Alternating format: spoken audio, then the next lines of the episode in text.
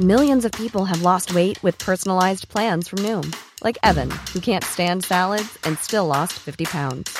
Salads, generally, for most people, are the easy button, right? For me, that wasn't an option. I never really was a salad guy. That's just not who I am. But Noom worked for me. Get your personalized plan today at Noom.com. Real Noom user compensated to provide their story. In four weeks, the typical Noom user can expect to lose one to two pounds per week. Individual results may vary. There's never been a faster or easier way to start your weight loss journey than with PlushCare. PlushCare accepts most insurance plans and gives you online access to board-certified physicians who can prescribe FDA-approved weight loss medications like Wigovi and Zepbound for those who qualify. Take charge of your health and speak with a board-certified physician about a weight loss plan that's right for you. Get started today at plushcare.com slash weight loss. That's plushcare.com slash weight loss. plushcare.com slash weight loss.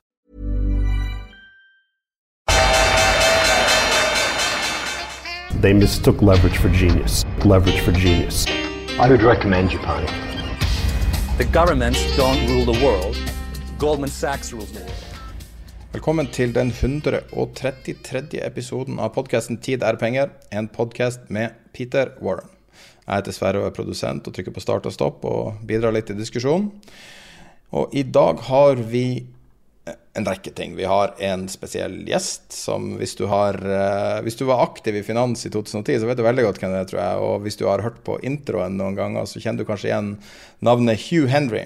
Han er en tidligere hedgefondforvalter som ble verdenskjent med et vanvittig sitat, igjen, som er i introen. Og eh, jeg hadde en samtale med han eh, i forrige uke på, på ca. en times tid. og han er en intens uh, og interessant type, så den samtalen er veldig verdt å høre på. Hele intervjuet ligger på vår Patrion-side, og vi har en ca. 20 minutter i denne episoden. Eh, ellers så skal vi snakke litt om, eh, om, markedet, om rentemarkedet, om opsjoner og terror. Veldig interessant bokanbefaling fra Peter. Og så, hvis du vil høre hele intervjuet og, og andre ting, så kan du gå på vår Patrion-side. Du kan abonnere på vårt nyhetsbrev, tiderpenger.no nyhetsbrev. Uh, og vi har også en, uh, en, ny funksjon vi er i ferd med å rulle litt sakte ut nå, som er en virtuell bokhandel som vi lager i samarbeid med Gyllendal. Så Den første boka i dag er av Ali Sofan, og den finner du på vår boklisteside. Og du finner også beskrivelsen av podkasten. Men da tror jeg vi går i gang med denne episoden. Episode 133. Ja, da er vi i gang, og da har jeg, jeg satt og så på um, satt og så på innfronten min nå før vi starta, så sorterte jeg da siste uka.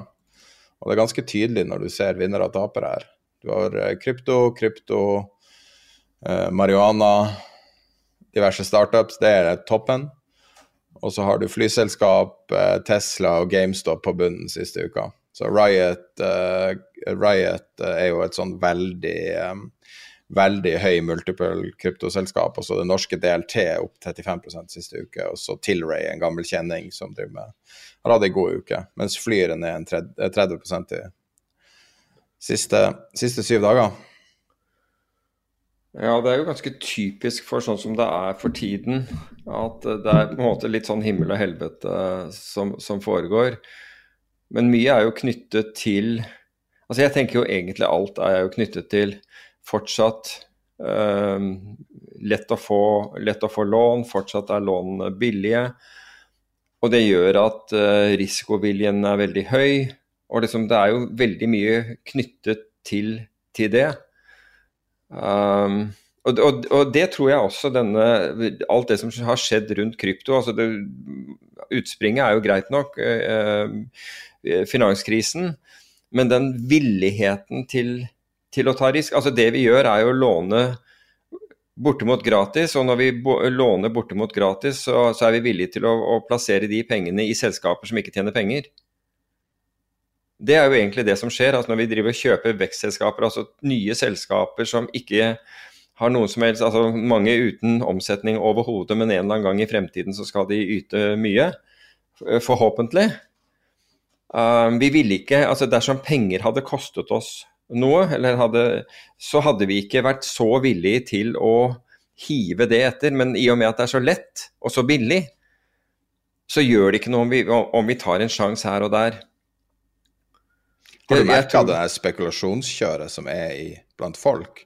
Så jeg hørte på en amerikansk podkast i går, så sier de liksom sånn Alle de kjenner, sitter og flipper NFT-er og tar eh, og, og, og er med på alle de her nye Altså her er vanlige mennesker som ikke har noe med finans å gjøre, eller noe Altså, er, jeg tror det er komikere tror jeg, som er i det miljøet.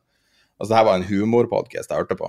Og så sitter de og snakker om NFT-er som den største selvfølge, og snakker om det.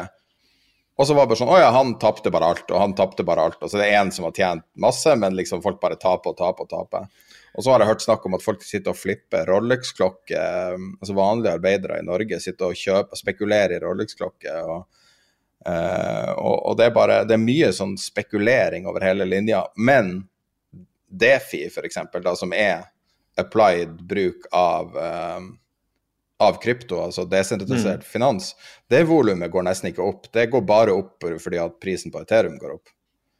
Det var JP Morgan hadde en Ja, hva mener du at volum ikke går opp? Eh, nei, hvis du ser uh, Det kommer jo stadig nye selskaper inn i, uh, inn i Defi. Hvis du ser altså, på linje 75 på det fra JP Morgan, Mm. så er det um, totale verdien av eh, Ethereum som er låst inne i Defi. Og det pila går rett opp. Og så sier JP Morgan det er nesten bare fordi at prisen på Ethereum har gått opp. Ok. eh, De sier at det er nok, altså Defi er litt opp, men ikke for, i forhold til hva man skulle tro, da. Nei, altså det der må jeg tenke litt mer over, bare for å, å, å være helt sikker på at man kan trekke den parallellen sånn uh, uten videre. Fordi det, det kommer jo stadig til uh, nye ideer og flere selskaper som ønsker å, å utbedre Altså gjø- gjøre f.eks. blockchain raskere, enklere uh, lage applikasjoner på det osv. Altså på en måte teknologi som skal forbedre det, eller, eller applikasjoner som man kan bruke på det. Det. Men at vi skal forvente at, at de vokser i, i takt med, med svingningene på, på, på kryptovaluta, eller stigningen på kryptovaluta, det skal jo noe til i seg selv, tenker jeg. Men, men hvis jeg kan ta en liten digresjon, fordi jeg hørte eh, Jeg, jeg traff en jeg kjenner som arbeider i et reklamebyrå, og som sa at du, eh, han har vært på vei hjem forleden dag, og da hadde han tatt eh, drosje, og så, så, så sier han da var det drosjesjåføren eh, hadde da anbefalt eh, jeg tror det var bitcoin, eller var, det var ikke bitcoin, det var en eller annen av, de, av disse valutaene. Og så sier han er, er ikke det der er, Det må være topp, eh, topptegnet. Um, og, og så sa jeg du, var det vanlig taxi, var, var det Oslo Taxi eller var det en du, du, du satt i? Uh, og, så, og så måtte han tenke seg om. Nei, det var, det var en Uber. Så sa jeg, vet du hva. Tenk, det, er, det er ikke gitt at den parallellen eller den, den eh, lignelsen virker lenger. For hvis du tenker på en, en Uber-sjåfør, det er en som har satt sin lit og arbeidskraft til ny teknologi. Altså den at, at du har, har eh, klart å, å, komme opp med teknologi som gjør den virksomheten, altså det å frakte mennesker, eh, enklere, også billigere eh, og, og kjappere. Så dette er en mann som lever altså jeg, jeg antok at det var en mann, jeg glemte å spørre, men dette var det nå en gang det jeg sa. Det er en mann som, på en måte lever av, av, av ny teknologi. Det er ikke, det er ikke eh, Det er en god, god mulighet at han vet mer om, om kryptomarkedet enn enn det du gjør, bare så det er klart. Og Han tenkte seg litt om, og så sier han ja, du, du sier noe. Det er faktisk noe i det der. Og, og det tror jeg faktisk det er også, den derre adaptation to technology. Det er litt sånn avhengig av hva du driver med selv. Altså hva Ja, det er bare å være ung i seg sjøl. ja, Altså, interessen er på et helt annet nivå. Idet vi satt og rigga opp nå til episoden, så sendte nevøen min meg en Snapchat av at en av går på videregående sammen med, spilte av podkasten på datamaskinen sin. Ok. Og jeg kan love deg at jeg brydde meg ikke mye om finans når jeg gikk på førsteklassen på videregående. Nei. Men jeg tror det er veldig vanlig nå. Det er veldig stor interesse for det. Og, og jeg tror det var du som opprinnelig påpekte at kanskje det her er en permanent endring. Kanskje det vi ser er at, vi, at det at eldre mennesker, altså da, da sier jeg alle over 30, eh, ikke forstår at ting kanskje er i ferd med å endres permanent, som i fra hest til bil. liksom. Ja. Altså jeg, tror det, jeg, tror at det, har skjedd et, et skift her, men det betyr jo ikke at alt som er gjort er bra, eller av alle som, som på en måte starter eh, kommer til å være vellykket eller man kommer til å tjene penger på. Ikke i det hele tatt. Jeg tror også altså, Dette går også i bølger. Men det vi ser er at det går veldig mye fortere. Og det tror jeg også finansmarkedene preges veldig av. fordi eh, avkastningen, altså hastigheten på den avkastningen som du, får, som du har fått, er vel å merke, fordi noe annet vil være en, eh, en predikasjon, og det, det, det, vil jeg i hvert fall ikke gjøre. Um, men hastigheten på avkastning du har fått, har, har, kommet så utrolig mye raskere gjennom, altså etter at krypto kom til, kontra det andre, slik at, at gapet er helt, helt enormt.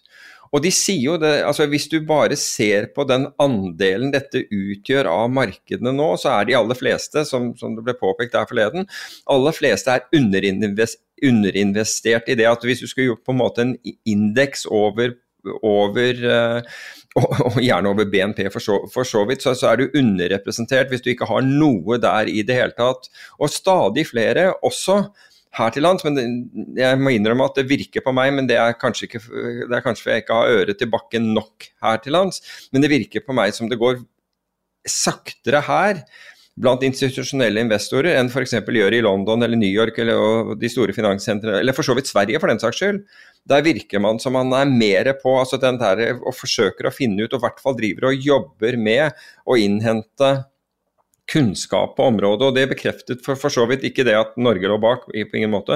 Det, ikke, det, var ikke et tema, men på den Goldman Sachs-seminaret uh, uh, som jeg henviste til i, forrige episode, der var jo også et preg av det. Og, det var at de store institusjonene for, forsøkte å forstå hvordan de skulle gjøre dette her.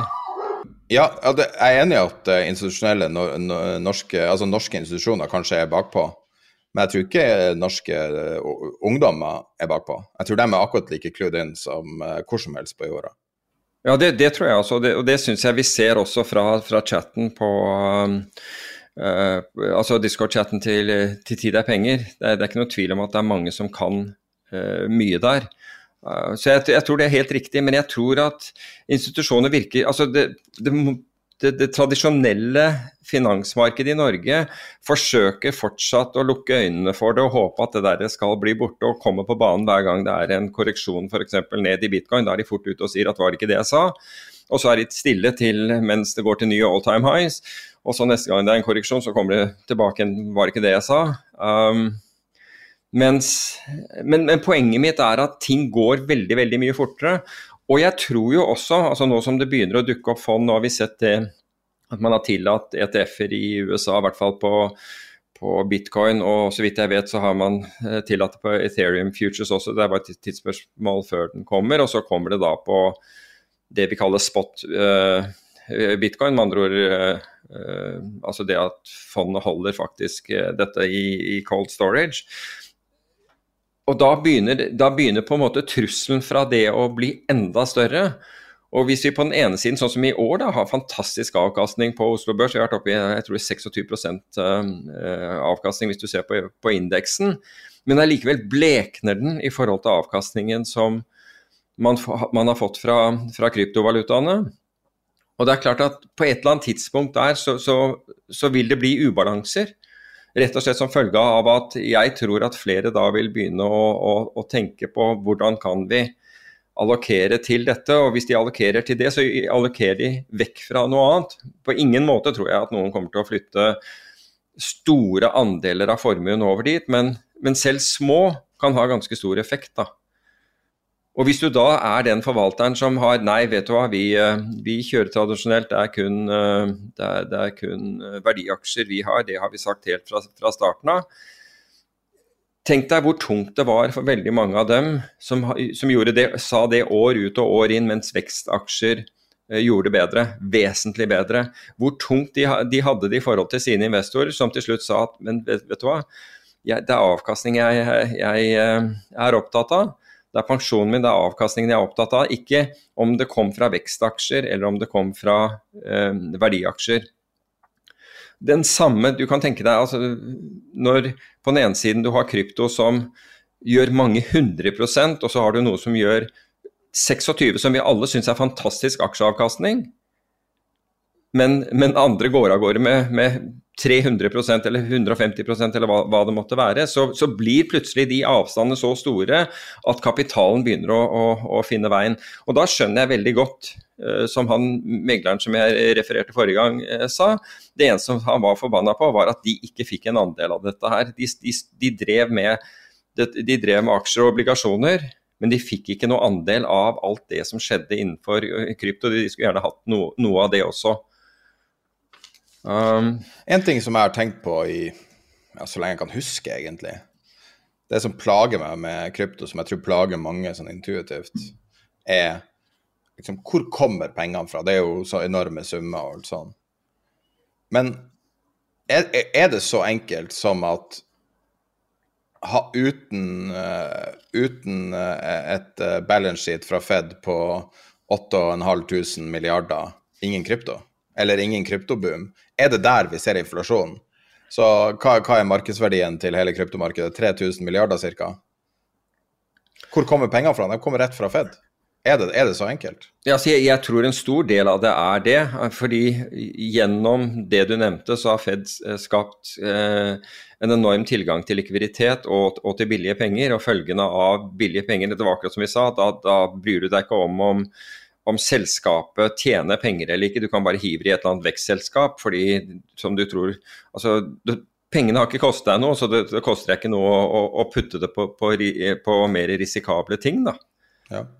Nei, Jeg husker jo under finanskrisa så var det en jeg jobba med som hadde et, eh, en, en, observasjon som jeg syns er ganske bra. Han hadde ikke så mange gode observasjoner, men den her var bra. Mm -hmm. eh, om at når du har veldig store innfløkser av penger, i et system, så dukker de opp på litt sånne uventa plasser. Det er akkurat som at man putter dem under jorda, og så popper de opp av et eller annet sånn hull i bakken. Et eller annet tilfeldig sted. Og det var hans måte på en måte å square hvorfor plutselig var så mye penger på Island. Eller hvorfor det plutselig var en fotballklubb som ble solgt for x antall milliarder. Og det syns jeg mm. egentlig er en ganske god observasjon, det er at penger på en måte vil fram på et eller annet vis, og så får du det på en sånn rar Og når du har da et manipulert system via sentralbankene, så plutselig dukker det opp i krypto. Og så får du da uh, Uten Fed så ville kanskje bitcoin ha stått i, uh, i uh, 659 dollar, ikke 65 900. Ja, et eller annet sånt. Um, ja, altså hvis ikke Altså hele grunnlaget for, for whitepaperet til Satoshi Nakamoto var jo, var jo måten den amerikanske, eh, eller amerikanske myndigheter ved Finansdepartementet, ved, ved sentralbanken, håndterte finanskrisen. Og premierte de som hadde faktisk skapt krisen. Og gjorde det med skattebetalernes midler. Hardt tjente midler ble, ble, ble, benyttet til altså ene var at man måtte redde, men man gikk mye lenger. Man, man premierte dem i tillegg med, lot, med å lot de som de som hadde stått for dette, her, uh, ta ut bonuser av de, de, samme pengene. Det er klart at det skapte en, en voldsom reaksjon, det ga grunnlaget. og så tror jeg at jeg tror det er riktig det du er inne på. altså Hadde du ikke blåst opp uh, the Fed balance sheet med så voldsomt som du har gjort, så hadde du ikke fått denne spekulasjonsboomen, som ikke er eh, eksklusiv for krypto på noen som helst måte. Vi har GameStop og AMC og alle disse andre tingene som, som også har nytt godt av, om du vil, nytt godt i anførselstegn, av, uh, av, disse pengene. Men det er helt klart at det har blitt med altså Det, det ser du i eiendomsspekulasjon, alt annet. Det er, jo det, det er jo billige, lett tilgjengelige penger som er drivkraften bak det hele. Og vi kunne gjort noe veldig mye mer nyttig ut av veldig mye av, det, av, av disse tingene, men, men sånn har det ikke vært. Fordi man vil ikke ta ansvaret for å og i hvert fall ikke inntil nå, så får vi se hvordan det blir nå i, i 2022, da, da, da man taper altså hvor man ikke skyter inn mer penger. Um, jo, du reduserer takten på å skyte inn. Ja, ja du, du, reduserer jo takten hele veien fremover nå, ikke sant. Altså Fra og med nå så kommer du til å redusere, redusere takten. Og det blir litt grann sånn Hvordan håndterer vi hvordan håndterer vi det? Og vi har sprøytet inn så vanvittig mye penger. Men er, det, er ikke det åpenbart hvordan man vil håndtere det? Når, når uh, alle verdens markeder, uansett kall det hva du vil, uh, krypto eller SMP eller whatever, når det har fulgt balance-sheeten til Fed med en uh, nesten perfekt korrelasjon, Mm. så vil det jo bare da gå tilbake igjen. altså det, jeg kan ikke se for meg noe annet, men sikkert er ikke det sånn at det tar rulletrappa opp og heisen ned, eller noe sånt. Jo, altså det blir vel mer fritt fall ned eh, i, i, for så vidt, men det spørs jo Altså, det man har gjort hele tiden, er jo, er jo Man har testet jo dette Bl.a. I, i 2011 så testet man jo dette her litt grann på, på høsten i 2011 og fant ut at det gikk ikke. Og så intervenerte var det fem sentralbanker for å, for å støtte opp av markedene, som da på det tidspunktet var vel ned 18 eller 20 altså da, Ja, da fikk man Ja, ikke sant. Da, da fikk man helt, helt panikk. Og, og igjen, for å, for, å, for, for å sitere Yngve Slyngstad, som da sa at det, dette eksperimentet har aldri før vært, vært gjort, så vi vet ikke utfallet. Og vi gjør jo ikke det, men altså, jeg tenker jo at dette er som å la Altså, å få dette her til å gå greit, det er altså uten skader. Det, er sikkert like krevende som å lande, lande en fullastet Airbus 380 på Forsøke å lande det på et helikopterdekk. Altså under, under visse forhold altså er, du, er, du, er du veldig heldig? Er du veldig heldig med forholdene, så kan det gå bra. Men, men det, det, det er ganske krevende. Nei, jeg tror ikke det er så veldig hokus pokus, det her. Det sitter eh, Jeg vet ikke hvor mange analytikere det er i verden. Kanskje 100 000 som jobber med det på heltid. Jeg vet ikke. Bare anslå et tall. Kanskje en million, kanskje ti millioner, jeg vet ikke. Eh, og man sitter og prøver å regne seg frem til det her, men eh, jeg tror ikke det egentlig er så vanskelig. Morgan Stanley sier at eh, støttehjulene fjernes. Ja. Ikke sant? Altså de Advarer jo mot aksjer, amerikanske aksjer gjør dem også. Ja, og, og bruker den terminologien. Og så så jeg det Og så tenker jeg jo at Vi har vært inne på dette tidligere også, at, nå er det ingen Altså det er knapt noen i markedene som har opplevd uten, markedene uten støttehjul. Altså Du har veldig få av de som, som er aktive i markedene nå, som jobber f.eks. i meglerforetak og på rådgivningsinstitusjoner og, og den biten der, og i banker, som har opplevd markedene før altså opplevd frie markeder, ikke markeder som, som har støttehjul og som, som blir manipulert. Og så kan du jo, men, men så kan du samtidig si at ja, ja, det had, jeg vet ikke om det hjelper å ha folk som opplevde markedene på, på, på 80- og 90-tallet heller, fordi de, de, de, de husker sikkert ikke lenger hvordan det var. der, der er det vel eh, der er, der er det vel utslag, mer eller mindre utslag av demens, men så vi er kanskje Jo, men hjernen beskytter deg jo fra negative minner også. Du er mye mer sannsynlig å huske et positivt minne negativt for å Ja. ikke bli gal.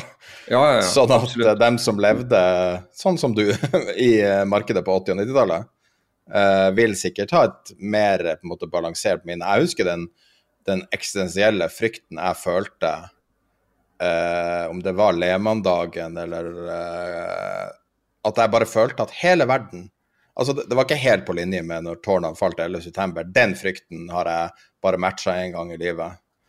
Men, eh, men, men altså, den, den frykta når liksom alt du har tatt for gitt, er i fritt fall, Mm. den følelsen der, den er ganske ubeskrivelig jævlig. Og hvis du, hvis du gikk i barnehagen i 2008, eller, eller de yngste, eller hvor gammel de yngste investorene er nå, men så, så er det litt vanskelig å, å forklare, fordi at når du da ser tilbake, så ser det jo så litt smått ut. ikke sant?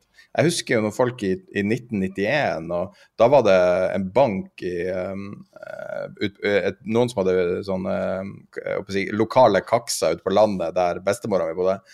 Uh, så var det noen som hadde bygd seg et svært hus på skikkelig jappetid på alle måter. Og da valgte banken å flytte det, fysisk flytte huset til nærmeste by, fordi at det var ikke mulig å omsette en bolig. Det var logisk, det var økonomisk logisk å flytte hele huset. Og når du ser på en graf over boligpriser i Norge, så ser eh, 1991 ser ikke så veldig ille ut, akkurat. Men for, for å si det på den måten, jeg tror at du er bedre til å håndtere håndtere dette dersom f.eks.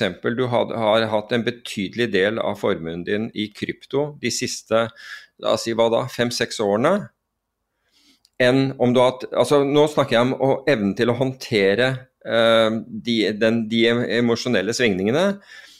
enn om du har hatt uh, pengene dine i aksjer i de siste fem-seks uh, årene. For, for, aksjer har operert med støttehjul, mens det har definitivt ikke kryptomarkedet gjort. Så du har fått noen vanvittige korreksjoner til nedsiden. ikke sant? Brå fall på 30-50% har skjedd i løpet av veldig kort tid. Og det og sånn, kun, sånn, var markeder før. Det, var, altså det kunne gjelde aksjemarkedet, og det, var, det gjaldt jo også aksjemarkedet, ikke minst i, i, 2008. For så vidt under korona, men det var så raskt at, at liksom, hvis du blunket, så fikk du ikke helt med deg. Um, og, og ikke, ikke, minst flash crash i, uh, i, i 2010 var, var, på samme måten. For da hadde Oslo Børs stengt på det tidspunktet hvor, hvor, hvor dette skjedde. Men hvis du har hvis, du, hvis emosjonene dine Hvis du har vært mentalt robust nok til å kunne og sittet med krypto og hatt en betydelig eksponering på det, og klart å sitte gjennom de, de svingningene som har vært der, da er du sannsynligvis robust nok eh, sånn mentalt og, og emosjonelt til å håndtere svingninger i, i, i aksjemarkedet også. Men hvis du, tro, men hvis du har fått hurtig puls når, når, eh, når, eh, jeg tror Det var vel DN som kalte det et krakk når Oslo Børs var ned 2,5 eller noe sånt. Nå. Uh, jeg føler vi har nesten har mobba dem for mye. ja, men, altså, min greiene er, hvis, hvis, det prikket i huden din og du kjente det helt ut i fingertuppene når, når det skjedde, og du nesten ble syk av, av, av redsel, så, så, så, går du kanskje en mer utfordrende tid i møte. Det, det er det som er poenget mitt. Ja. Så um, Men vi kan kanskje snakke om, uh, om uh, noe du informerte alle sammen om, egentlig. Som var den volatiliteten i Storbritannia da for to uker siden.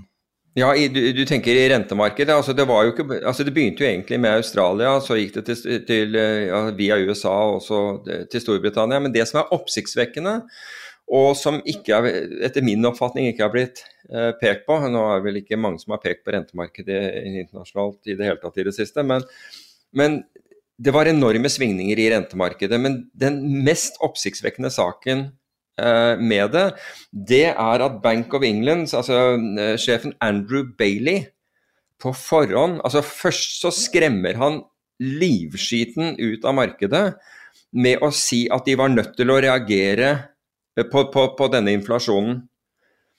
Og det, i og med at han er sentralbanksjef, det tok markedet som et signal på at Bank of England ville heve renten. Og Det betød at alle de som satt med korte statsobligasjoner, Eh, og da mener jeg to år eller mindre, fikk helt noia. og var, Der var det mye lånte penger, og kastet seg ut av det og bråsnudde sine posisjoner. fordi det skulle man i hvert fall ikke sitte med hvis renten ble hevet. fordi det har mye mer effekt i det korte markedet enn det gjør lenger ut på kurven. Lenger ut på kurven er mer tilbud og etterspørsel etter 10-årspenger og 15-årspenger og 30-årspenger og alt det der. Men i det korte markedet så er det jo er, er det sentralbankrenten som som på en måte bestemmer mye mer av utviklingen. I hvert fall i, og med at man må bråsnu om posisjonene, så kunne vi da eh, etter hvert lese om kjempetap. Kjempetap hos, hos, fond, og i hvert fall de som var giret, og det er det veldig mange som er når de, når de handler i det korte rentemarkedet. Men så kommer vi da til dagen hvor Bank of England har rentemøte. Og da skjer noen på nytt noe kaotisk. Fordi da gjør de ingenting. De vedtar faktisk å gjøre ingenting med renten. Så til tross for at man har gitt markedet et klart signal, og det er jo en av oppgavene til sentralbanken, det er jo ikke å ødelegge for aktørene, men det er faktisk å gi deg en heads up på hvordan de ser utviklingen, slik at det skal være forutsigbart for virksomheter og alle på en måte i, Og næringslivet ja, det er Mandatet deres er å signalisere nettopp, tydelig. Det er nettopp mandatet. Og i stedet, da, så gjør man ingenting. Hvorpå det motsatte skjer igjen. For nå, nå har de som har snudd posisjonene sine fra å være long disse obligasjonene til å være short, nå stiger jo disse obligasjonene kraftig. Og på nytt igjen så må de da stoppe seg ut, fordi igjen det er kraftig belånte eh, posisjoner. Altså det å være 50 og 100 ganger belånt i, i rentemarkedet, det er, det, det, er ikke noe som, får, uh, no, noe som, gjør at du får høye øyebryn, for å si det på den måten. Det gjør du i aksjemarkedet, men det, det svinger mye mer. Så, så, markedet er helt i, i villrede. Hva i all verden er det som foregår her? Og hvorfor i all verden gikk sentralbanken ut og indikerte at de ville heve renten? For så å få ytterligere dårligere altså Når folk da hadde, mange fond og institusjoner hadde blitt klemt ut av markedet med ytterligere store tap, så kommer det på nytt igjen inflasjonstall, kommer det nye inflasjonstall som definitivt indikerer Og nå sier også sentralbanken det samme igjen, at de vil være nødt til å reagere. Og gjett hva som skjer da? Jo, da dundrer dette ned igjen. Så Element, ett enkelt fond, taper en milliard dollar på disse svingningene. Uh, og det har vært store tap hos veldig mange kjente, kjente fond. Så det, det, dette Altså, hvorfor jeg tar det opp, det er litt sånn Om vi skal tørre å stole på uh, sentralbankkommuniker. Altså, det er klart at Bank of England snak, snakker ikke f.eks. For, for Norges Bank eller for Federal Reserve eller, uh, eller andre. Men det, det, er en helt ny greie at, at, sentralbanken forsøker å spenne bein på aktørene. Fordi jeg eller, kan ikke Eller er inkompetent. Altså det, ja, ikke, men Andrew aldri... Bailey Det er vel ingen som, som tror jeg har ment, i hvert fall tidligere, at han er inkompetent. Og så hva er det du blir forfremma til en egen udugelighet? ja, uffa meg. Men, men altså, konsekvensene her, her, er jo om dette er noe nytt, og i tilfelle hvis dette er noe nytt, så er det jo ingen av oss som egentlig vet hvordan, hvordan, man, skal, hvordan man, skal, tolke det. Men hvorfor, Men Kan det være en kanarifugl? Kan det her være et signal om noe vi, altså, noe vi burde være mer obs på? Tidligere så har det jo vært sånne relativt obskure elementer som har vært litt sånn uh, kanarifuglen i kullgruva. Liksom. Ja, kanskje. Jeg, jeg vet ikke, for jeg syns det er veldig vanskelig å, å, tolke det. Men det er klart at alt som har stor betydning for, for, for, for rentebildet, og spesielt korte renter, sånn som, sånn som dette har, det, det, sprer seg ut i økonomien etter hvert. Så altså, når, når, når, noen, når, det raser ut en milliard eh, dollar fra, fra, et fond, det får konsekvenser. Ja, det får konsekvenser for pensjonen til dem som har eh, pensjonsmidlene sine. Det, gjør det, og, og, tilliten til sentralbanken og i det hele tatt. Og, og jeg må jo si at jeg lurer ekstremt på hvorfor i all verden man gjorde det man gjorde. Altså, det er nesten helt uforklarlig eh, for meg at, at sentralbanken forsøker å spenne bein på på, på, markedet på den måten. Fordi det samspillet mellom markedsaktører og sentralbanker har gjort at eh, sentralbanken kan la markedsaktørene justere seg og justere markeder, fremfor at sentralbanken er nødt til å justere markeder med, med, med hårdere hånd. Og I den forbindelse, altså, eller i hvert fall i samme forbindelse, så nevnte jeg forrige gang at, at uh, markedet manglet investorer type George Soros, altså det, med sitt kvantumfond, som da ledet da et angrep på den, den britiske sentralbank tidlig på, på 90-tallet, hvor, hvor, hvor uh, sentralbanken hadde sagt at det, det ville stå støttekjøpet støttekjøpe pundet. Pundet skulle ikke ned, det skulle stå, så sentralbanken puttet uh, sine ressurser bak. Hvorpå George Soros raskt regnet ut at sentralbanken hadde ikke nok penger til å gjøre det. De sa han, vel nøyaktig hva de hadde, og han visste han hadde mer? Var ikke det sånn? Ja. Ja, nettopp. Og han pluss eh, Michael Steinhardt pluss en, en rekke andre av, av de, de, store makroinvestorene dundret da på, og, og, Bank of England måtte trekke seg opp under, og, og, og pundet devaluerte uh, som følge av det. Så, men hvor, hva som var min analogi, det var jo rett og slett at i dag så er det de færreste investorer altså type, uh, altså, som, som holder noe særlig overnight risiko. Altså du, du, har store fond som altså pensjonsfond og den type ting. De har jo riktignok overnight risiko, men det er ikke de som på en måte går løs på, på, på sentralbanker eh, eh så, sånn, som, sånn, som, Soros gjorde de aktørene i dag altså Det kunne være banker, og banker deltok jo i, i, i dette her, akkurat som vi, altså sammen med Soros. Og vi så også banker kopiere de store hedgefondene, ikke minst Long Term Capital Management i 1998.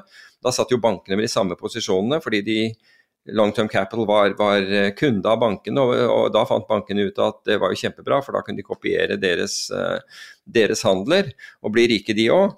Uh, ja, fordi de var så smart. Det er skummelt det der å tro at folk er smart. Unnskyld at jeg avbrøt. Ja, ja, det, ja for, for, så vidt. Jeg er helt enig, for det gjorde jo at det var veldig mye mer belåning på disse posisjonene enn den del long term capital hadde peiling på også.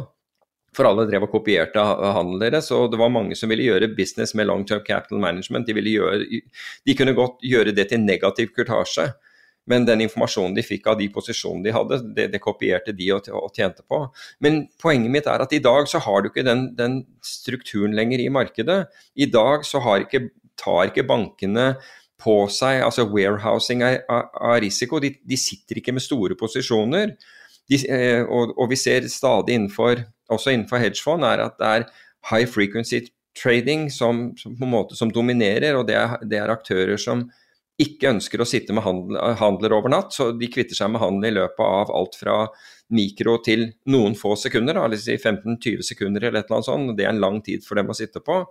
Og dermed har du ikke disse aktørene som kan balansere ut og som f.eks. kunne gått imot sentralbanken her, i, her fordi altså hvis du, hvis du, uh, hvis du justerer veksten i verden, altså BNP-veksten i, i, i verden, så vil du se at altså å, å, se på inflasjonen, så er inflasjonen på, på, på, altså på verdensbasis nesten 5 Og vi jeg, har, jeg har tall på det, hvis du vil ha faktiske tall akkurat nå.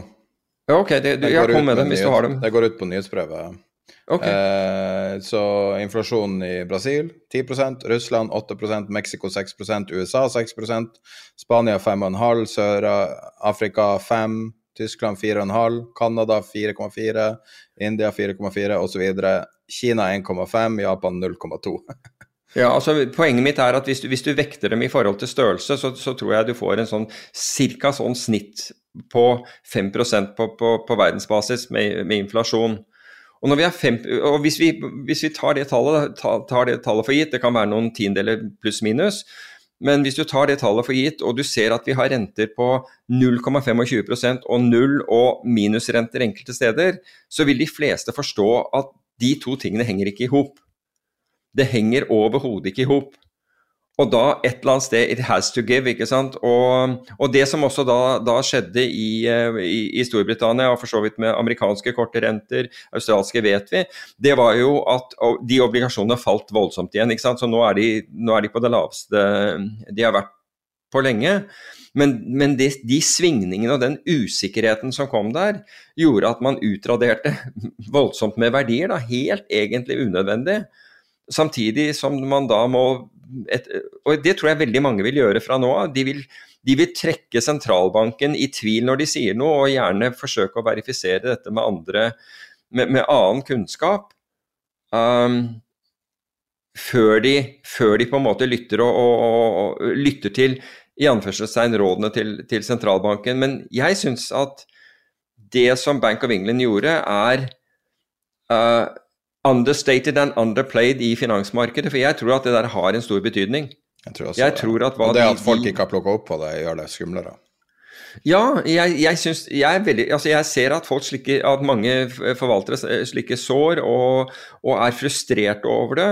Men, og det er kanskje fordi de er så nære det og har disse, disse tapene, så er det vanskelig å se det i, i den sammenhengen som jeg oppfatter det, da, som er på en måte på sidelinjen og ble ikke rammet av den heldigvis nettopp at er sentralbankene nå altså Er deres guidance å stole på, eller er de ute etter å spenne bein på, på enkeltaktører?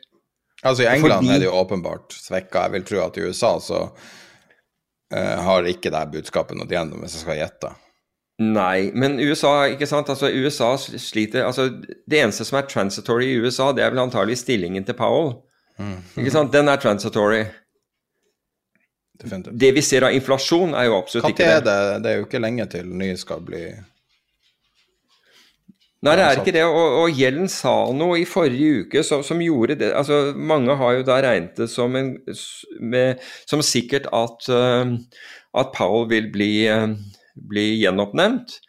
Men det var noe med altså Gjellen sa at vi har noe sånt altså, Selvfølgelig sa hun det også på, på, på engelsk, men, men, hun sa noe sånn som at vi har mange gode kandidater på blokken, eller noe sånt nå, som gjorde det Som også i de, de som sitter og tolker dette, uh, meg inkludert, uh, lurer på da om det er et signal at det kan bli noen andre. Det er jo viktig å huske at hun har vært sentralbanksjef. Hun forstår ja. det sub, uh, subtile språket som er viktig i sentralbankverdenen. Og, Og Det er jo også noe som eventuelle tidligere partipolitikere må skjønne når de går inn i en rolle, hvis de gjør det. Mm. Eh, som eh, sentralbanksjef så er det helt andre krav til presisjon i språket.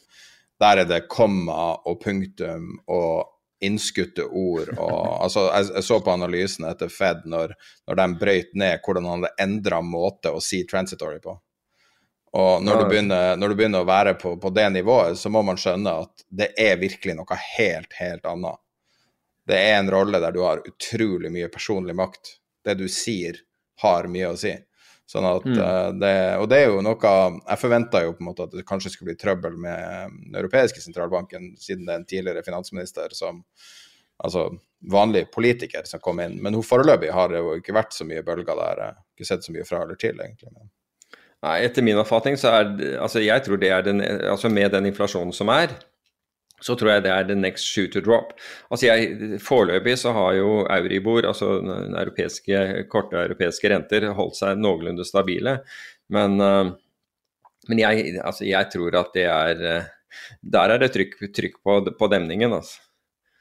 Eh, når, når, har du negativ rente og, og, og, skrikende inflasjon, så er, på et eller annet tidspunkt så er du nødt til å foreta deg noe. Så enkelt er det. Skal vi snakke litt om opsjonsmarkedet? Det er jo noe vi har uh, eh, toucha inn på en rekke ganger og belyst det litt fra det, mm. det fenomenet man kaller gamma, f.eks., som er da en enkel måte å si at uh, det, det tail wags til dag at opsjonsmarkedet driver aksjemarkedet. Ja. En ting vi har sett eh, i sommer, var det jo eh, rekorder for indeksopsjoner og ETF-opsjoner. Mens nå er det rekorder på enkeltaksjeopsjoner. Forrige uke var det, eller eh, det blir vel ei uke siden nå, var det høyeste noensinne der 2600 milliarder dollar i uh, um, Altså notional opsjon, ja. ja. Jeg vet ikke hvordan man ja. sier det på norsk. Ble trada. Ja, det er, ja. ja det, er, det er helt ny rekord. Halvparten av to aksjer. Ja, men en, en, annen ting var, og dette gjaldt, dette gjaldt vel indeksopsjonene, og, og, som også da trader i rekordvolumer, men 22% av det volumet forfaller innen 24 timer. Helt sykt. Yolo. Alle yolo. Ja, antageligvis. Og du ser, ja, du ser forskjellen på utviklinga på det chartet det første chartet, den, uh, den legger jeg med i nyhetsbrevet, også med forskjellen på puts og calls, er så mm. påfallende. Ja, og det, og det, ser du også på SKU. ikke sant? Nå er det blitt relativt sett, nå snakker jeg relativt sett, billigere å forsikre seg enn en, en det har vært på veldig lang tid. Og det er fordi, eh, fordi etterspørselen etter kjøpsopsjoner er så høy, og, folk driver, og, og noen av dem finansierer det med, med å selge salgsopsjoner. Som er en god nyhet for de som ønsker å sikre seg, for det betyr at, at sikring er billigere. Men hvis vi ser f.eks. For eksempel, fordi det, det, er stadig noen som henviser til VIX, og du nevnte også dette med VIX på Jeg tror da jeg tror VIX var 16 eller noe sånt nå, og, og SMP 500 indeksopsjonene handlet rundt, eh, rundt 13. 17 var den vel og handlet eh, rundt 13, og, og, og hvorfor, det, hvorfor, det, er forskjell på det, og, årsaken til det Eh, som jeg nevnte, er jo at Vixen tar for seg eh, ikke bare at the money-opsjoner, men out of the money-opsjoner også. Vanligvis når vi ser på når, eh, hvis, hvis, du drar opp et chart med implied volatility, altså den uh, volatiliteten som ligger i opsjoner, altså innbakt i opsjonsprisene for, uh, for, indeksen, det er det som kalles implied volatility, så, så, bruker man da det vi kaller at the money-opsjoner som referanse. og At the money er da opsjoner med en innløsningskurs lik dagens indeksnivå, altså indeksnivået i øyeblikket. Det er det som er, danner referansen. Mens Vixen tar for seg out of the money, både putter og caller også gjennom, gjennom tid. Men hvis vi ser på i øyeblikk så tror jeg Nå husker jeg ikke hva den siste VIX-readingen er. Den kan, kan, du har 16, kanskje foran. 1671. Og så har du da, eh, så har du da futuren som handlet litt nord av 17. altså Det er den futuren som forfaller nå i november. Mens desember handler over 20. Så det er ganske bratt, det vi kaller contango, altså det lenger ut i tid. Det, det, det høyere, høyere, opsjonspriser eh, betaler du. Og du ser at frykten er der. Ja, du ser det jo i call, du ser det jo i putsvolumet også. Det er ja. på ETF-er. Så ETF-er og indekser har jo 50 høyere volum enn uh, calls. Ja. Eh, Men allikevel Ja. At folk føler et behov for å sikre seg. Selv om Ja, er du, du, du kan- yolo ikke i en indeks, men det gjør du kanskje i en Tesla-aksje, men ikke i en indeks. Ja, altså det er nok mer det er, det er nok riktig. Det er nok mer sikringer der, for folk ønsker å sikre seg mot Altså, du kan gjerne være long, f.eks. som du akkurat nevnte, da, eh, Tesla, men du er redd for hva skjer med Tesla hvis hele markedet faller, f.eks. Og, så- og så hedger du vekk den risikoen ved, ved å, å eie indeks, eh, salgsopsjoner på, på, på indeksen. Men jeg syns jo det her er et symptom på at folk bare venter på store, stygge ulven kommer på et eller annet vis. og, og når du ser det volumet, og du ser den utviklinga som har vært fra ja, egentlig starten på 2020 på når man, eh, når man ser på indeks og ETF-puts, altså at du, at du i praksis vedder på nedgang, der du har ei ei jevn linje oppover, veldig tydelig trend, mens eh, i resten av volumet er det mindre tydelig trend. Er det noe som er signifikant, eller er det noe naturlig? Altså, jeg, jeg tror vel egentlig at det er, det er to faktorer som drar nå. og Det, det ene er de som At det er ja, vi, vi, Igjen, eh, ikke for å liksom gjenta meg selv hele tiden, men vi har snakket om dette tidligere, hvor man det vi kaller stock substitution, altså hvor man velger hvor man syns at opsjon, og særlig kjøpsopsjoner, for det, det, vi nevnte jo eksempler på det for ikke så lenge siden, hvor man kunne kjøpe, skaffe seg kjøpsopsjoner. altså Hvis man solgte aksjeporteføljen sin og kjøpte kjøpsopsjoner på indeksen, så var det nærmest historisk billig. Og da har du, da har du eliminert nedsiden din. Så jeg tror det er en del stock substitution, altså stock option substitution, hvor man velger å gjøre det på den måten, fordi man sier at jøss, jeg har hatt en så fantastisk reise, ikke, ikke bare de siste årene, men spesielt i år, at om, om jeg gir fra meg 1 eller 2% i opsjonspremie her nå, så og har ingen nedside, så, så, er jeg mer enn fornøyd. Da er jeg superfornøyd på dette, dette, året, og går det kraftig oppover, så er jeg med likevel. Så jeg tror det er en del av det. Og så er det også den, den delen som jeg tror du er inne på, nemlig den derre spekulasjonsdriven. Uh, det at du har lyst Altså, du, du ser hvor, sto, hvor, store svingninger disse opsjonene kan ha i løpet av en dag. Og treffer du riktig med den rette opsjonen, så kan, du, sant, så, så kan opsjonen din gå flere ganger. Og da er det litt sånn at du er ute etter den der kryptoeffekten, altså det er store svingninger og muligheten for store fortjenester. Nedsiden din er begrenset til den premien du, du har betalt, men du kan få flere ganger premien din hvis du, hvis du treffer riktig på det. Og da, og, tilba, og da, er vi jo tilbake til det der at markedet er veldig spekulativt. Og jeg tror det er en del av markedet som er ekstremt spekulativt. ja, to aksjer. Tesla og Amazon. 50% av det amerikanske opsjonsmarkedet. Mm. Altså, øh, og det er jo vel og bra, la spekulere, spekulere i veien, men det er jo ikke et sunnhetstegn at halve volumet er i to aksjer. Nei, det vil ikke jeg To aksjer med høy PE også, for så vidt. Ja, ja. Det vil, det vil jo um, det, det, konsentrerer jo risiko voldsomt. Ja. Så, men jeg, jeg, følger ikke disse her chatroomene, altså dette Reddit og, og, og den type chatrooms, men jeg, det, er, det, er, sikkert en god del. Du ser sikkert aktivitet der som, som forklarer mye av det vi ser i, i volumet, vil jeg tro. Jeg tror det er mye pump and dump eh, i alle former, i alle Og spesielt i de uregulerte tingene, så tror jeg det er veldig mye, ut fra det jeg ser, da, eh, i, der det er koordinering og organisering for pump and dump. Mm. Ikke nødvendigvis av det vi snakker om nå, men generelt. Ja. Nei, det, det kan være. Altså, det jeg vet ikke hvor, i hvilken grad du klarer å pump and dump disse her eh, eh, Altså de, de selskapene du, du, er inne på. Er, er, du, er, det nok som gjør det, så, så, kan sikkert det foregå. Men du skal pump og, og damp, så du skal jo klare å komme deg ut. Og hvis det er liksom store volumer som kjøpes, og, og like store volumer som skal ut, så, så, så, blir det jo en utfordring for noen der. Det er iallfall helt klart. Men tilbake, tilbake, til det første vi snakka om, så tror jeg at, at, vi fortsatt undervurderer effekten av den endringa som skjedde tidligere i år. Det må være noe der, altså. Ja, ja det, det, kan godt være. Og at vi, vi, rett og slett må bare justere oss til, til det som en realitet. Men du var tidlig ute og si at du trodde det her var kanskje potensielt permanent. Ja, og det, det er du den første jeg... jeg hørte si det. Ja, ja øh, Men Det er Ja, det er, var, var, jo som en reaksjon på Altså, det, det hadde jo med hvorfor, hvorfor, det skjedde, altså grunnlaget, hva som, hva som var tanken bak, pluss alle de Altså det er ekstremt mye misfornøyde mennesker med og det er det fortsatt. Med, altså Velstandsgapet er jo et godt eksempel på, på, det.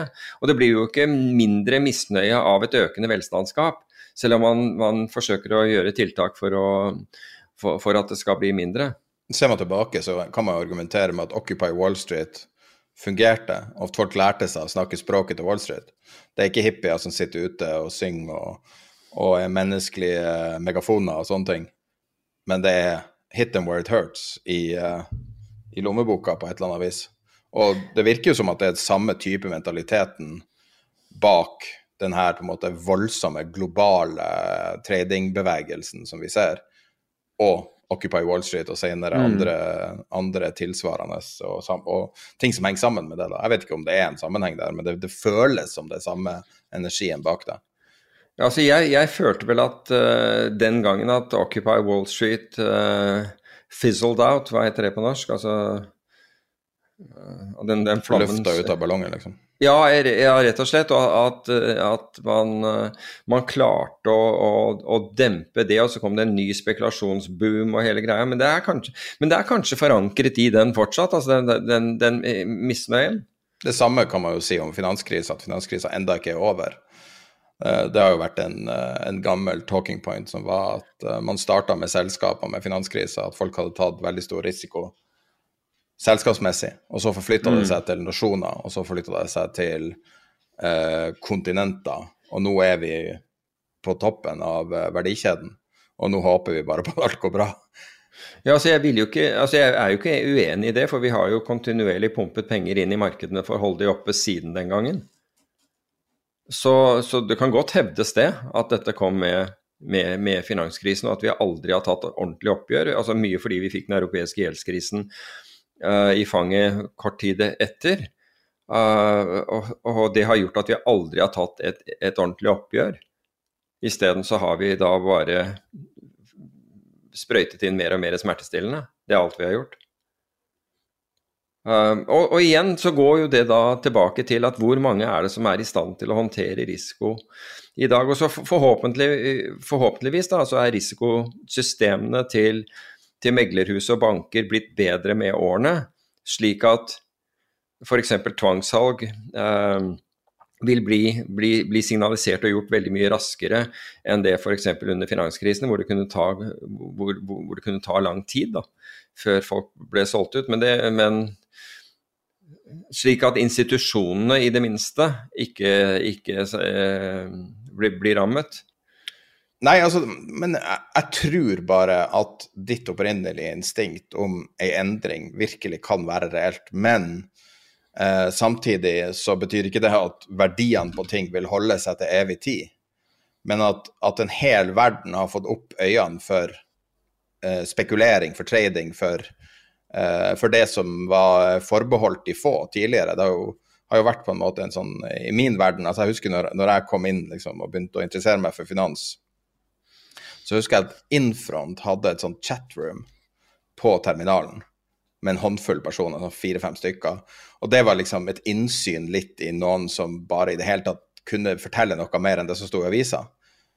Og så var det noen som sendte melding på chatten vi har nå. Det er jo 6000 eller 7000 eller hvor mange det som er på chatten. Eh, og så var det en som sendte melding og sa at han var så fornøyd med at vi hadde laga chatten. Og, og, da begynte jeg å tenke tilbake på hvordan det var før det, hvis du var på utsida. Det var bare ingen informasjon å hente. Det var litt via Twitter etter hvert og sånn når det kom, men det var veldig, veldig lukka fortsatt. Men sånn som nå, så kan folk få tilgang til nesten uendelig informasjon f.eks. gjennom vår chat, men også utallige andre plasser. Og at mm. informasjon var kanskje det som skulle til. Jeg sier ikke det at, at uh, si GameStop og Robin Hood er som, uh, er som en sånn Gutenberg-bibel, men informasjon forandrer ting, i hvert fall. Og jeg tror din opprinnelige observasjon står ved like, men spørsmålet ved syretesten vil jo være når alt begynner å falle. Forsvinner ja. de da like fort som de kom?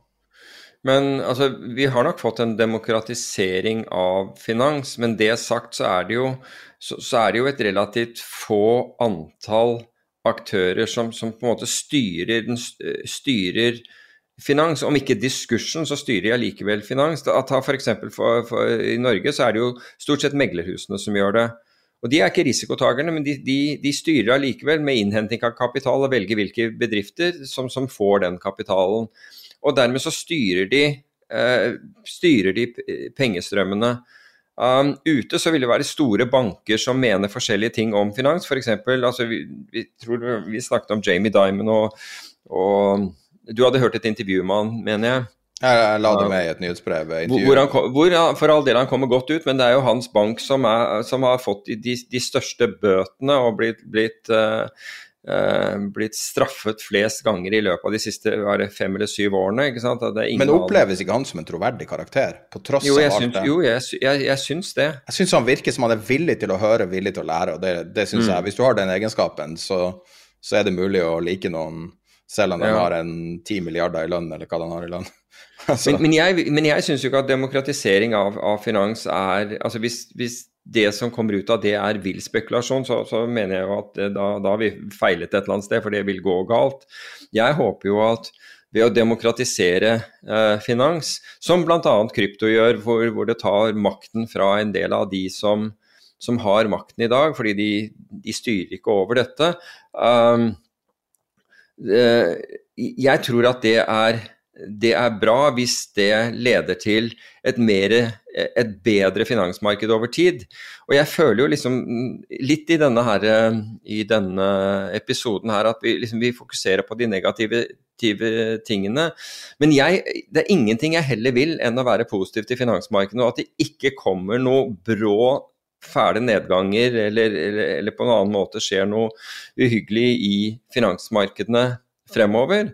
Men det krever jo en etter min oppfatning noe atferdsendring. Og spesielt når du, hvis, du, hvis, det er reelt at vi trekker bort uh, eller tar bort støttehjulene til markedet, da må folk begynne å tenke på risiko og begynne å forholde seg til, til uh, markedene og sine investeringer på en litt annen måte. og Ikke det at de skal ut av sine investeringer, men de bør i hvert fall, hvis de har store belånte investeringer, så bør man kanskje tenke, på, tenke etter om er det lurt i, i et marked hvor, hvor, støttehjulene er borte. ikke sant? Altså, det er litt som å sykle på altså Hvis du har, hvis du har støttehjul på sykkelen din og, og en, en, ryggsekk på, på ryggen med, med, med, med, vekten høyt oppe, så går kanskje det bra. Men hvis du tar av de støttehjulene, så vil du nok merke noe mer på, på balansen. Det er litt grann sånne analogier.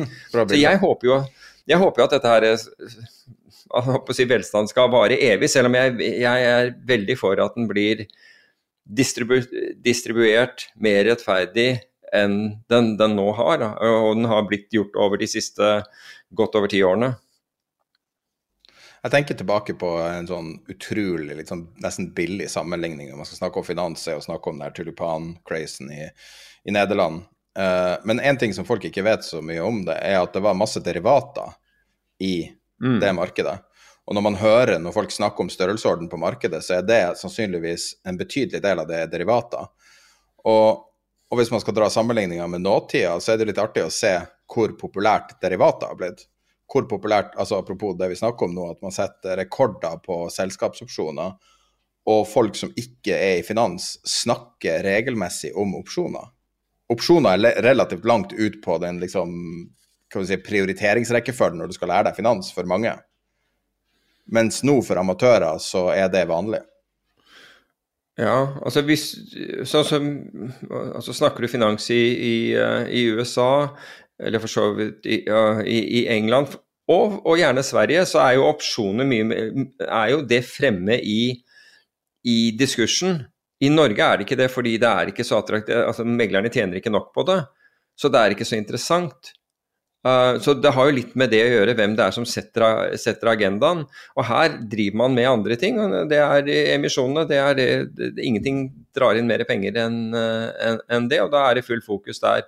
Den eneste gangen vi virkelig fokuserte på, på opsjonsmarkedet i Norge, det var når, når meglerne trodde at de skulle få de samme inntektene som OM i, i Stockholm. Eh, hadde klart å gjøre da de startet det markedet. Det var derfor det var sånn press på å, å komme i gang og eie dette, dette, markedet i Norge. Det var fordi man så for seg enorme inntekter for meglerne. Det var ikke fordi at investorene altså Det var ikke, det, det var ikke der det var, at liksom investorene skulle få Nå skulle du få et, et marked hvor du kunne legge av risiko eller eller noe sånt noe i. Og så kom, så kom, jo dette markedet i gang, men i og med at man ikke fikk disse inntektene, så, så ser vi nå er det er blitt mindre og mindre av det. Det er noen få som meglerhus som handler i det, og, men mange som er interessert. Da, det ser vi jo av bl.a. av, av Discord-kanalen. Men jeg har inntrykk av at veldig mange av disse handler da heller med amerikanske foretak. altså ja, Interactive Brokers og ja, for eksempel, TDI Ameritrade og Ja, nettopp uh, den type, og, og, handler dette her da i utlandet, eller Saxo i Danmark, eller hva som helst. Men, mm. og, ja, man er tvungen til det. Ja, fordi, fordi de, tilbyr, de, tilbyr, det, ikke sant. Så, du hadde jo en anekdote tidligere notert ned, vil du ta den nå, eller? Ja, hva var det? Fra en lytter. Om uh, Opsjoner. Forrige uke. Og jeg husker ikke hva jeg sa da. En, her, en he, ville ha en hedge som ble uh, eh, endra. Å ja, riktig. Ja, du, den Ja. Altså, den, er jo, den, er jo, tragisk eh, i, i Pass seg selv. Pass på å anonymisere nok. ja, jeg, ja, jeg skal Takk skal du ha. Jeg skal gjøre det. Men i hvert fall, eh, greia er at en en, en, kunde som sitter på en aksje, går til megleren og sier at ønsker en salgsopsjon på den, den, denne aksjen. Og så slår man frem og tilbake på, på, på skjermen, og megleren har, er egentlig ikke noe keen på å handle opsjoner i det hele tatt, men, men kan få gjort det for, for kunden. Men, skal, men, men, vil da ha påslag på I tillegg til kurtasje ønsket et påslag på opsjonsprisen. Jeg skjønner ikke helt hvorfor det er, eller om det var en misforståelse. Men jeg tror at prisen her var, var snakk om syv. At det var syv kroner som skulle betale for det. Og så er det så mye frem og tilbake, så sier den der megleren at det er bare tull å, å, å kjøpe salgsopsjoner. Det er mye bedre å sette en stopplås ned der, så slipper du det. Ikke sant? Det er bare tull å betale det der, så skal du betale kurtasje og hele greia opp og det, det blir altfor dyrt for deg. Så sett heller en stopplås på det nivået som, som, som du ser premien er på, på skjerm. Og vedkommende blir da overtalt til å gjøre dette her. Dette er for øvrig jeg tror det var fem-seks dager før, uh, før, et resultat eller noe sånt. Nå blir overtalt da til å, å, å sette stopplås der, da. Og så, så, kommer resultatet den dagen, og kursen stuper rett ned. Stopplåsen blir utløst, og så er kursen tilbake igjen på samme nivå senere på dagen. Um, og det er derfor du skal ha opsjoner. For hadde du hatt opsjon, så hadde opsjonen altså Da hadde du ikke blitt stoppet ut, men i stedet blir, eh, vedkommende stoppet ut da nede på bånn, som da ingen kunne vite at det var bunnen på det tidspunktet. Det var bare markedet som reagerte rett ned og rett opp igjen. Uh, og jeg sa hvordan, hvordan, ble da hvordan ble dialogen med den megleren? Nei, det var ikke, så, var ikke så interessert i, Megleren var ikke så interessert i å snakke med, med, med, kunden etter det. For Jeg skjønte jo at den kunden var, var, ikke var spesielt fornøyd da, fra den. Men det er årsaken til at du ofte altså, Et eksempel på hvorfor du heller vil ha en opsjon enn en stopplås. Men jeg har aldri hørt om det der Ja, da setter du bare stopplåsen på akkurat det nivået. Og det, to helt det liksom, forskjellige problemstillinger. Helt forskjellige pro problemstillinger. Og Jetten ned er jo et kjent tatt. fenomen. Ja, men også, og, og, helt tatt ut av luften, ikke sant. Altså, det var ikke noe sånn Altså, jeg, jeg spurte også hvorfor hadde megleren valgt å sette stopplåsen der. Nei, det var fordi det tilsvarte premien på opsjonen. Og det ville bli billigere for meg. Og det, det, er, det er jo det var jo ikke noe annet. Altså, det var, så, og det er klart at da, da, blir man nok litt oppgitt. Og det skjønner jeg at, at vedkommende ble, ble, oppgitt og liksom gjenga den der den, den, den samtalen. Og sa, og sa også nå, nå, nå, skjønte vedkommende verdien av opsjoner kontra en stopplås, men var litt usikker på om megleren hadde forstått det enda. Jeg tror kanskje her er et godt tidspunkt, for jeg hadde jo, jeg hadde jo en samtale med en reell finanskjendis for ikke så lenge siden. Og nå når vi mimrer litt og går litt tilbake og litt fram og tilbake, så kanskje det er på tide å, å ta et uh, klippe inn den samtalen. Hva du syns Ja, absolutt. Ja, Så det her er Hugh Henry, da, som var Du kan jo fortelle litt om Hugh Henry, du som har møtt han noen gang. Ja, altså Hugh Henry um, han var jo en veldig uh, kjent hedgefondforvalter. Um, Første gang jeg traff han, så jobbet han for en kar som heter Crispin Audi. For øvrig Audi som har det fondet med, som har best avkastning hittil i år. I hvert fall var det eh, Siste uke så var det vel opp 60% omtrent i år, etter å ha vært opp over 100% bare så det er sagt. Han tapte på, på den rentebevegelsen i England også. Um, og han ble veldig fort kjent som en som hadde meninger. Og de meningene gikk veldig ofte på tvers av meningene til andre. Eh, så veldig Og han er um, utrolig underholdende å høre på. Og jeg, jeg husker jeg, jeg, traff han en gang, det var, i, det var, i, Oslo, og da hadde På en eller annen måte et, så kom vi inn på Nasim Taleb. Og, og, og, det er klart at når, når Hugh Henry mener at noen er gal altså Hvis du kjenner Hugh Henry, så, så er de ganske gale. Men han, eh, han hadde vært i, i, i, Russland, eller i Moskva, på en annen finanskonferanse, og der var også Nasim. Og eh, Nasim ville ikke anerkjenne han, jeg gadd ikke engang å hilse på han når, når, de var i sånn green room før dette her gikk, eh, gikk på lufta. Men, eh, og jeg, så vidt jeg husker var Hugh den siste som, eh, som, som, snakket. Og eh, etter det så kom, han, kom Nasim Taleb opp, for han syntes at Hugh Henry hadde, hadde, uttrykt seg så utrolig bra og var helt overveldende. I hvert fall på kvelden så kommer de til, eller kommer Hugh sent til, til en svær bankett som er i, i, i forbindelse med denne, denne, konferansen. Og han, han som meg syns det er dritubehagelig å gå inn i sånne rom fulle av folk. Og så han liksom forsiktig nærmer seg, eller kommer inn gjennom inngangen og prøver å bare finne et eller annet sted han kan sitte ned. Hvorpå en kar spretter opp på andre siden av et lokale med mange hundre mennesker og skriker eh, 'Tjusjetador', altså jeg, 'jeg elsker deg'. Og det er da, det er da Nasim Taleb som, som belger dette utover en hel sånn middag, middagssal. Som, så han sa det gikk fra det ene ytterligheten til, til det andre. Men i hvert fall, Hugh er eh, altså han er morsom, og han er delvis splitter fine gæren, han òg. Mm, uh, han var Hva sier du? Ja, Det kan jeg skrive under på. Ja, altså, han, men, men, han hadde virkelig meninger, og han var ikke redd for å uttrykke dem. Uh, så var det også det at fondet hans hadde altså Han tjente masse penger i, i, under, under, finanskrisen, men han hadde ekstreme svingninger på Eh, på, på, kapitalen sin.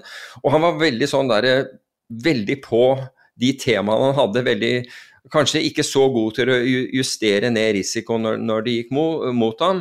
Og det endte da med at liksom investorene gradvis forlot ham, som de gjorde for øvrig med, med Nasim Talebs uh, fond.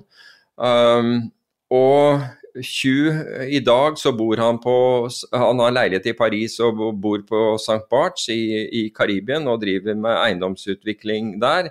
Og skater og svømmer og ja, er en, er, er en glad fyr. Og ja, og jeg, snak, jeg snakka med han, jeg fikk tak i han uh, litt, uh, litt randomly og um, tenkte at hvem bedre å snakke med enn en av de tre som er en del av vår jingle til podkasten, da. Så han ja. ble jo legendarisk for å si på britisk TV I recommend you panic. på sitt skotske uh, lingo, ja. Men da tror jeg vi starter denne samtalen og går rett inn på den. Kan si at vi snakka i ca. en time. Vi kommer til å legge ut jeg vet ikke, om lag 20 minutter i denne podkasten, og så legger vi ut hele intervjuet i sin helhet på vår Patrion-kanal. Så da er det på www.tiderpenger.no skråstrek patreon. Det er også link i nyhetsbrevet som går ut, og så er det link i forbindelse med uh, i podkast-teksten også, med beskrivelsen til podkasten. Så hvis du har lyst til å høre hele, så er det på Patrion. So I, uh, just to start things off, I was looking at um, your Wikipedia. Normally, I don't like to do much research before a conversation, but I just wanted to not make huge mistakes. There's some interesting things here. It's almost like like it was destined for you to end up where you did. So First, it's the quote you made to uh, a journalist, which is great. Uh, to my mind, the three most important principles when it comes to investing are Albert uh, Camus' principle of ethics God is dead, life is absurd, and there are no rules. That is a pretty cool introduction on Wikipedia. Do you want yeah. to talk about that? Um, well, the Wikipedia is got nothing to do with me. Um, it's got that horrible kind of pencil cartoon that was, I think, taken from a Financial Times article. Um, the, the the thing that kind of um, irritates me. Um, I mean, does it irritate? Yeah, it does irritate me. The because uh, it starts off well. You're quite right. The Albert Camus thing is uh, when I read it, it just you know it just encapsulated to my mind everything that um, I was trying to do. You know, Eclectica, Eclectica, um, global macro hedge fund, um, hedge funds um, are unrestricted. Um, they can do anything. Uh, there was a time when that was a great honor uh, that you don't bestow that that de- that degree of intellectual freedom on on anyone, um, and and you're up against the the brightest, some of the brightest minds on the planet. And yeah, I've long bored people with this notion that our competitive competitive advantage was not trying to outsmart the smartest people in the room, but rather and kind of like, you know, reflecting on Camus, it was, hey, how do life is absurd? Like you can be the super smartest person and still get things wrong. So let's kind of deconstruct how people get things wrong. So that kind of was something of the genesis, and then of course it's just a genius kind of. You know, there's there's poetry in that statement, and then Wikipedia. Sadly, it, it tails off um, into a kind of diatribe about, yeah, he may speak cute, but his returns suck and well, know, it does it does brag about your 2008 uh, numbers. Yeah, but then I mean, so there you go. It, it shows that I'm I'm way too, uh, um, I, am I've been sharing quotes uh, this week on my various uh, uh, social media platforms because I have been reading, and still, indeed, I, I'm in the midst of reading um, a book written by Bobby Gillespie, who who was is the lead singer behind a, a band from Glasgow called Primal Scream, which was very much at its heyday in, I want to say, the mid 90s with um, the liberation of the mind from the ecstasy tablets and the kind of Manchester music scene. But he actually, Bobby came, uh, comes from Glasgow and he's about five, six years, um, I think, older than me. But um, I, I kind of, uh, just reading his journey and, and the journey of someone creative, the, the person, like you, sitting down having to write a song um, is terrifying. You know, the, um, to to trod on the path where like geniuses have been and try and leave your imprint. And so a lot of it kind of, uh, I mean, a lot of it's rubbish, but uh, there's just every night I read for the for the nugget. I read for the for the the key to the mind, which allows you to kind of unlock these pavilions and see the contours of what may just happen next. And he has something, what does he say? He says romantics feel things more sensitively than others. Um, it's easy to hurt romantics because they already feel too much of everything. So there you go. I'm a romantic. Um, Wikipedia hurts so much despite having the Camus, despite reflecting on the you know the the, the performance in 2008. But it, it, it kind of tails off into you know his returns his returns sucked and and and all the money fled. Um, it wasn't quite as, as simple as that, but there you go. Maybe I'm too sensitive.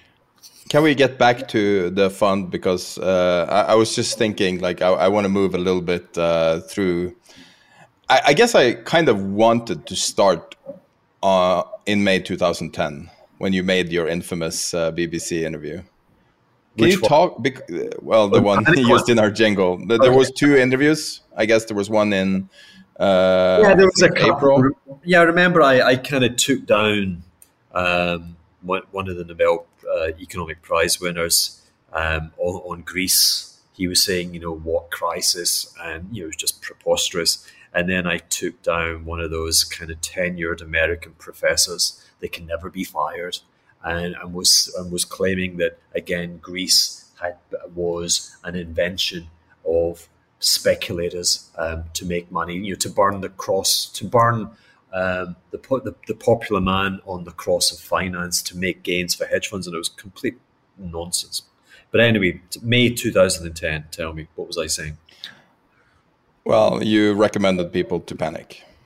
What and you said this on BBC, which is probably the greatest quote in financial media history. Thank you. And I want to know, like, what led up to that? Because uh, what's kind of weird for the people who listen to this podcast and the people who care about finance, the people who are crypto billionaires and all this, they were probably in elementary school at that time, which is incredible. and uh, uh, like a lot of listeners of the podcast don't remember the financial crisis. Yeah. Like they have no memory of this, which explains the optimism, I guess. But um, can you sort of uh, what what is it like? Because you were literally probably the center of attention of the world for a certain uh, few hours there, and it was you really boiled it down. You really pinpointed something so incredibly important in such a hard time before we really had uh, Twitter comments on everything and everyone predicting everything all the time. Yeah. And uh, how, what is it like to feel that kind of sort of pressure, I guess, or or attention and and the praise and the and the, I'm sure a lot of negative attention as well. Uh, I, I I want to say I was pretty oblivious, you know, to the the softer elements, but I was. Um, much to my cost, actually, much to the cost of my clients, actually. And, and, and two years later, I, I came to to see the need to reject this uh, silly crusade that I was fighting, which was, um, you know, the the great financial uh, crisis of uh, um, which was recorded at the end of 2008, and then there we were two years later as as really the so the great financial crisis, which was Lehman Brothers, which was really um, a, a, crisis of collateral, um, was unbelievably misunderstood by you know contemporary finance, and and it was all about the shadow uh, banking system, um, which kind of is is enormous, is out there, it's still out there, but back if we go back to this period that you're curious about, well, uh, we just come to the end of maybe 40 or 50 years of the, uh, the creation of this massive dark hole, uh, which was full of financial hubris, financial risk taking, huge financial returns. Um, it was just enormous. And 2010 was its second or third year in retreat where things were going wrong within that kind of dark web. All becomes a little bit like like the Matrix. And as it continued to unravel, you know, people were thinking, hey, the Fed and central banks have sorted the thing out. And the reality, what I could see, what, what few others um, could see, was that the problems were almost greater than the politicians and these kind of um, regulate, regulated these these uh, omnipotent institutions like the Fed, it was almost greater than their ability um, to deal, accommodate, manage, solve for, and it was rolling over into you know the the the cesspit of Europe of the pricing of European sovereign bonds, and it was essentially again collateral and confidence was being removed uh, from the centre, and um, the the thank you for attributing you know kind uh, comments to you know I recommend you panic. The the genius of the statement, genius, um, the genius and the and the banality. Every, everything is is a you know is a coin which can be fli- uh, flipped heads or tails. Uh, the the genius of it was its banality. It uh, was the honesty, um, because finance is not an honest system. And yeah, I am here today um, you know your intro will reflect on the ex hedge fund manager, and it will reflect again uh, at the end of that Wikipedia. It will go on to describe how you know my, my business uh, fizzled out, or or what have you. Um, and and I blame I blame the honesty. I blame the banality of the honesty because I was saying to, uh, that was my franchise. I was like, hey, listen, you people would visit me, and I was hold away in, in West London and Notting Hill and kind of groovy and fun and whatever. But it was kind of the last place where, uh, during the weekdays, it was the last place where you're going to see a hedge fund manager, you know. And that's where I, I got my inspiration. And people would come and they would find me. They would come from Korea, they would come from Canada, they would come from you name it, all ends of, of the world. And, and I'd, I would want to honor them and I'd want to tell them all of my faults. I thought I, I thought, and I do believe today, that to understand people, I want to know about their mistakes. I want to know how they handle getting things wrong because we're dealing with the future. And you know what? Most of the time, you're going to get things wrong. And I, the, the thing that I thought I did well was um, I was fearless with regard to making mistakes. And I was fearless because I had worked away. You know, like my I, my risk taking was contentious, which was to say no one kind of bothered in the markets because like no we're over here. Like mm, like you're just entertaining. You're, you're just a little ant. But it meant that if the consequences for me being wrong were kind of well nothing because i wasn't supposed to be wrong. But if i was right and again back to these geniuses when they're wrong they always go they cuff their head and they say but who would have thought that? And it'd be like, me, me, me. So I, you know, I was willing and, and, and able to panic because panicking for me didn't really have terrible um, implications. And indeed, it just seemed very relevant at the time. That's lovely. That's a lovely sentiment, and I completely understand what you mean. And I think you, I, I, would guess you identify very much as an outsider. I mean, you live in, a, in an island with less than 10,000 people now. You look like a rock star. Uh, and I can see you have a, a little bit spotty internet, which yeah. is, uh, I guess, natural on a on a Caribbean island.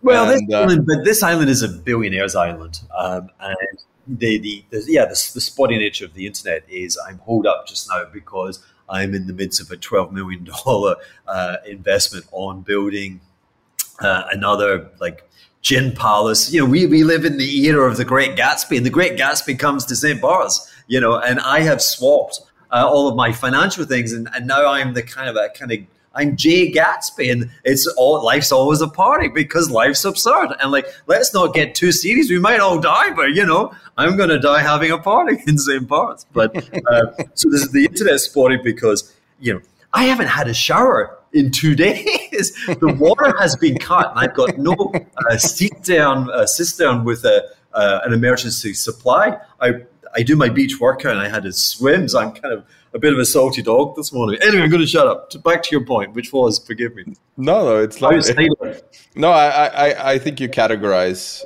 yourself as an outsider. I would think.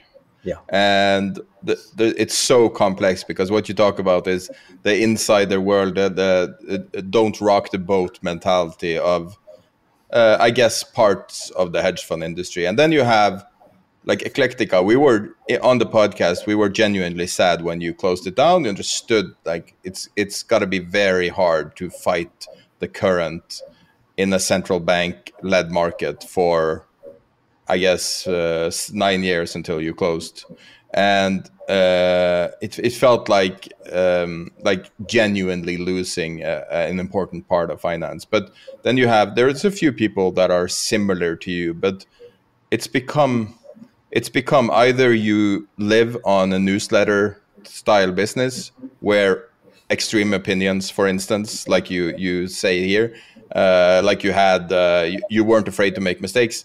There, it would be natural. But in the hedge fund space, which is so conservative, uh, I guess it's almost impossible not to be penalized, and people just are so risk averse. Yeah. Um, so okay. So um, I ran. I had the responsibility for um, a global macro hedge fund for 15 years. So um, in my tombstone, I, it, I don't know. I hope it's going to say, "Hey, there lies." This guy just got younger and younger as apparently he grew older. But you know, we'll see. That's my my my new project to be younger tomorrow than I am today. Um, but it it it will say that I enjoyed the tenure of 15 years uh, managing an eclectic uh, global macro fund. Um, at the end of that period, um, it was becoming joyless. I was passionate, but the task was becoming joyless. Pretty much, I think. I think you've touched upon some of those factors. Um, yeah, like central banks. Well, I was going to say more that more the the, the clients, um, but but you but that would be soft. The hard issue really would be the would be the central banks. Um, Q, QE seemed to remove um, price volatility out of the system. Um, and central banks, um, I'm kind of hesitating to say this. Um, oh, let me say it, but they, they seem to come in as price underwriters. Um, clearly, they, they've, they've, been they've been clearly they've been effective. But um, I guess my procrastination in getting to that point is that their success, I believe, is one of smoke and mirrors. It is very much the uh, Wizard of Oz who seems omnipotent, um, but it's all cloaked in disguise, and you never get to meet. You know, as, as the whole as as Dorothy labors to meet uh, the great wizard, and, and indeed she's the exception because she is the one who actually succeeds in meeting the wizard behind the curtains, and she's like it's you really like you know i came from kansas I brought Toto the dog. I brought a, a, whole mismatch of losers with me. And this is, you know, like really, and, and that's the Fed. The Fed is this like domestic banking regulator that has no idea. But thanks to the kind of genius wordsmanship of Alan Greenspan, he managed to convince the world that they had it, that they controlled it, that, that this was their domain. They are they're like they're, it's like a water utility kind of trying to regulate electricity. They have no idea. Um, and but but by making these feigns and these hints and these moves, by lying, you know, we had Jay Powell, the president incumbent of the Federal Reserve, and, and in the deepest, darkest, scariest kind of moment of the alien body invasion in uh, in the summer of 2020 last year he was on prime daytime TV saying, We print money. It's like, liar, liar, Jay Pants on fire. You do not print money.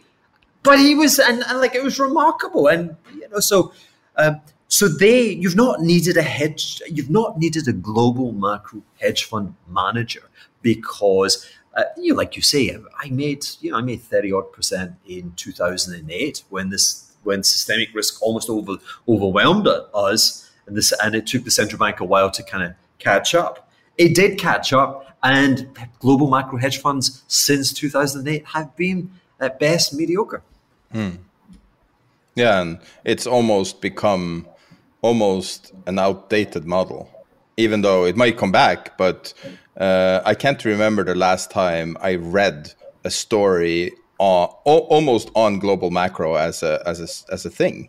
I mean, we talk about inflation, yeah, but that's just inflation. I mean, factors that go into global macro trades are just so underrepresented in terms of attention now. But again, you got to wonder when tapering starts uh, now. Um, maybe it's coming back as a model. I don't know don't you feel kind of a twinge that you want to relaunch? I bet uh, you can run it from St. Bart's. Yeah, I, I, more more and more of a twinge, um, and and more and more because um, it's it's been five years since I, I I, I closed the business, and like you say, I'm on an island with less than ten thousand people. Um, I surf, um, I, I, build beautiful homes, um, but yet um, I, I, pick it up. You know, like it's like there's something in the atmosphere, and, and I pick it up. And, and, since last year, I've started kind of trying to share my my thoughts uh, on, on, Twitter, and like people like, what does he mean? I, I think I'd be very very clear, but you know, I, I the, the world is a riddle, and so I, I think in riddles and I talk in riddles, and maybe I'm just a joker, but uh, but yeah, there's the um, I'm I'm really pumped up owing to the fact that like almost nobody understands money. No, no one. I know no one seems to understand. I mean, I can't say no one because we we've seen uh, quite a, a, flattening in important bond yield sovereign uh, yield curves um, in the last you know, four or five four or five months as you know the, the the but you know I was kind of railing again because the Financial Times so, I mean, money managers don't understand money, right? So, what chance do you have financial newspaper journalists understanding money. Uh, and but they kind of get all kind of it's a crowd thing, so they get kind of they, they feel emboldened. They start writing nonsense about inflation and, and, and money and and there was an article the other day how, how the you know the Fed controls the bond market. And it's like, what are you talking about? It does not, right? So like up to out to like maybe six months, uh, the euro dollar interest rate curve has to reflect the probability that the goons in control may make a policy error and raise rates, uh, and so they have to reflect the likelihood of um, policy increases or decreases over like the, the near term. But then beyond six and nine months, um, things with uh, duration are kind of actually weighing in, saying, um, "Ooh, we're watching this," and like when it flattens, it's kind of you're on a, a yellow, almost red light system where the thing's saying, "Caution, guys! If you kind of make any more move, given all the incoming data we're seeing about the about the real economy." Like don't do it. And then if they do it the, the, the thing inverts is the bond market saying policy error policy error. And every time that happens policy errors are revealed. And then the, the fed and other central banks have to correct themselves. So um, so some people obviously kind of do get it. But yeah i'm kind of intrigued about the whole world today because everyone keeps telling us that we now have inflation um, inflation is a monetary phenomenon. Okay, there is there is no monetary phenomenon associated with what we are seeing today in a wide basket of of prices of goods and services which have increased. But with it, without the balm or without the elasticity of an expanding credit system, right, it ain't going to take uh, take root and actually go on to become monetary inflation just now, most likely, and with the flattening of yield curves, is telling you that the large discretionary elements of consumption in the global economy are really going to take a hit over the next six to nine months because there's just no money. What do I mean by money? Uh, in the last year, which has seen the stock market almost double, and everyone is like, you know, f- feeling richer, the the thing that banks are most desperate to invest in is government bills. And the, the Federal Reserve again again has spent all of its time, all of its time in crisis mode, trying to prevent the very, very short term, um, short uh, short point in the in the curves going negative.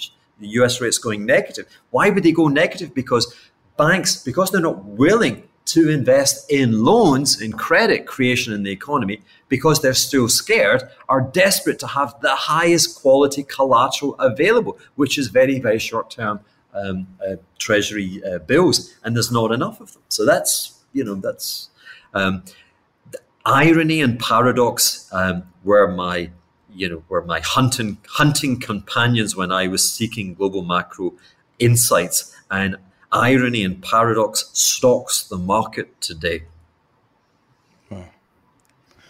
I, I, love the way you think. It's almost like a free flowing kind of a style, which is very unusual for a fund manager. But I would argue that uh, in, in, in the hedge fund space, there are all sorts that appeal to all sorts of people. It's a, it's a weird part of finance where it's it's uh, it's merit driven, but it's also a bit on the panache. Like uh, you you have to have very clear ideas, and I I've always thought of you as sort of a an emotional person, like an, an unusually emotional person in a good way, and I, I think it helped you uh, very very clearly see uh, the financial crisis and and and um, benefit from it. But of course, when it's in a in a in a space where the central bank's uh, uh, assets correlate with the S&P 500 almost one to one, it's a little bit harder for someone like you, I guess, or for someone who who wants to have very clear ideas that that match up to investments. Yeah, uh, I mean, the, if you understand what I mean, it's emotionality can be a good thing. Yeah, what do you call that? Hunter S. Thompson's a gonzo journalism. I, I, I yeah. guess I'm kind of doing gonzo I'm kind of liking Gonzo. Gonzo Investment? Ja, yeah, Gonzo Investment. Ja, det var vår samtale med Hugh Henry. Da. Så hvis du har lyst til å høre hele og, eh, altså Det er et helt vanvittig intervju. Det, det er sånn med, med, en sånn person så er det sånn, det er så mye villskap i han. og så er det så mye briljans. Men briljansen er ganske ofte ganske godt maskert. Men hvis du følger etter, så er det mye interessant han sier. Og han har jo litt interessante perspektiver fra å ha deltatt i diverse samfunnslag i verden. Så Um, han, han, var for øvrig Skagen hadde jo invitert han som en av foredragsholderne på Skagen-konferansen et år, og han, han, var veldig bra der også. Ja, og han er jo, som, som du sikkert hørte, ganske sjarmerende. Men jeg må si at etter jeg hadde gjennomført intervjuet, så måtte jeg slappe av i tre timer. det, det, tok på. Da gikk du i fosterstilling? ja, nei, hele Det var bare veldig voldsomt, så men hele er på, på, på vår Patrion-kanal. Jeg har jo hatt glede av å høre det, og jeg, og jeg syns det er bra. Jeg, jeg gjør det. Jeg syns ja. det er veldig bra. Men du, eh, vi har et tema som har eh, gått gjennom over en rekke episoder nå, som vi skulle ha snakka om. Og jeg tror at vi kanskje kan runde av med det. Mm. Uh, Tittelen på temaet er terror. Men det er da rundt uh, boka til Ali Sufan. Jeg kan jo si at en av en av tingene vi, vi har, eh, er i ferd med å, å, lansere nå, og som vi har laga en slags sånn snikutgave, er en virtuell bokhandel i samarbeid med Gyllendal og deres. Den heter Pocket, den satsinga deres. Eh, og i den forbindelse så kommer vi til å, å lage ei boksamling som eh, på en ca. 80 bøker, som er liksom en primer hvis du virkelig på en måte vil forstå finans. Les de her bøkene, og du vil få et ganske solid både overblikk og innsikt. Uh, så har vi laga denne samlinga sammen med dem, og så er det, det er ganske, jeg var overraska over hvor det var rimelig det var. Og så uh, har vi da et kommersielt samarbeid, viktig å påpeke det, sånn at vi får da um, vi får da en liten kickback for å delta i det, men hovedsakelig syns jeg det er fint å ha en måte der vi kan liksom ha ei slags bokhylle. Her er det du burde vite. Hver bok har en liten eh, beskrivelse også fra, fra Peter. Og, um, og, linken til boka fra Ali Sufan ligger i nyhetsbrevet. Det ligger i beskrivelsen her. Og det vil, uh, når vi legger ut podkasten, også ligge på um, uh, vår hjemmeside der det står Jeg lurer på om det står 'leselista'. Vil det ligge link til det, så der finner du det direkte. Jeg har sett uh, den der TV-serien igjen. Looming Tower? Akkurat. Jeg, jeg, jeg har ikke sett TV-serien, men jeg leste jo boken. Jeg hadde jo var nesten pensum en gang eh, for meg, den boken. Men det, det er to bøker som, som, på en måte brakte meg til, eh, til Ali Sofan. Altså, denne boken som vi, vi, nå snakker om, heter The Black Banner, eh, og er da skrevet av en kar som heter Ali Sofan, som var FBI-agent i, i veldig mange år. Og boken, så, eller den TV-serien som, som, Sverre refererer til, som heter 'Looming Tower', den ble da skrevet om, og, om terrorangrepet da eh, 9-11 i, i, USA, altså det som skjedde i, i, forkant av den. Og selvfølgelig hendelsen. Eh, og i den boken, og det er faktisk for min del første gang jeg hører om om Mali Sufan. Nå er det jo det er 13 år siden sånn når jeg, eh, jeg leste boken, tror jeg. Um, og i mellomtiden så leste jeg en, en, bok skrevet av en som var sjef for uh, kontraterrorsenteret i, uh, i, CIA, som heter José Rodriguez, som heter Hard Measures, som handlet egentlig om om ja, man kan kalle altså Det er vel ikke et annet ord for det enn den, den legale torturen som CIA anvendte, og som de fikk lov til å anvende på, eh, på fanger etter 9-11, som da inkluderer bl.a. waterboarding og osv. Og, og i denne boken til José Rodriguez så så, så, skriver han at altså, politikerne som ville ha dette her, de vedkjente seg ingenting. Altså når, når det først ble satt lys på denne på, på praksisen, um, selv om den hadde vært nøye beskrevet nøyaktig hva, hvordan de kunne ut, altså hva, hva, de gjorde, altså hva som var lov for dem å gjøre. Og eh, Blant annet var det Donald Rumsfeldt var jo veldig for dette her, det var jo for så vidt Bush og, og, og Cheney også, altså henholdsvis altså Bush som, som, eh, som, president, Cheney som eh, utenriksminister og, Eller var, nei, var han visepresident, og så hadde du vel uh, Rumsfeldt som, som utenriksminister, hvis, hvis, jeg ikke tar feil. Men i hvert fall um, den boken 'Hard Measures' altså den går jo egentlig også ut på hvor mye etterretning de fikk ut av dette. Men så så jeg en Netflix-serie som handlet om, om store, altså historiske begivenheter som, som endret verden. Blant annet så var 9-11 der, og der dukker Ali Safan opp igjen. Og da, uh, etter den, så, så, så, tenkte jeg nå har jeg lyst til å lære å lese mer om han. For jeg vet at Ali Sofan var en av de som hevdet at tortur altså det, er da beskrevet som disse, eller tortur beskrevet med de tingene jeg nevner, altså bl.a. waterboarding og, og, slå folk mot veggen og slå de i ansiktet med flat hånd og en del, andre ting, pluss å putte de i små uh, pain positions og i, og i låse dem ned i kasser og mye, mye fælt som, som ble gjort. I hvert fall Ali Sofan hevdet at dette ikke virket.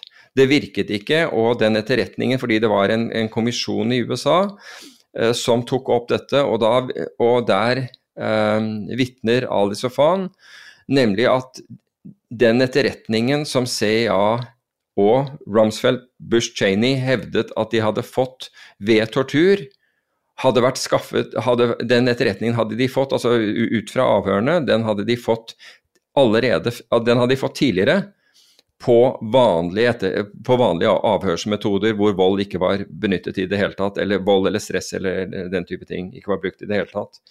Så Ali Sofan, han, altså FBI i USA er egentlig todelt. Du har den biten som driver med vanlig politiarbeid eh, på, på føderalt nivå, og så har du etterretningsdelen av av eh, FBI, som, kan, som, i Norge vil være det samme som noe à la det PST eh, gjør, i, gjør, i, Norge. altså med andre, andre ord eh, etter, skal sørge for, for at, at, Norge er safe, for å si det på den måten, eller i hans tilfelle USA.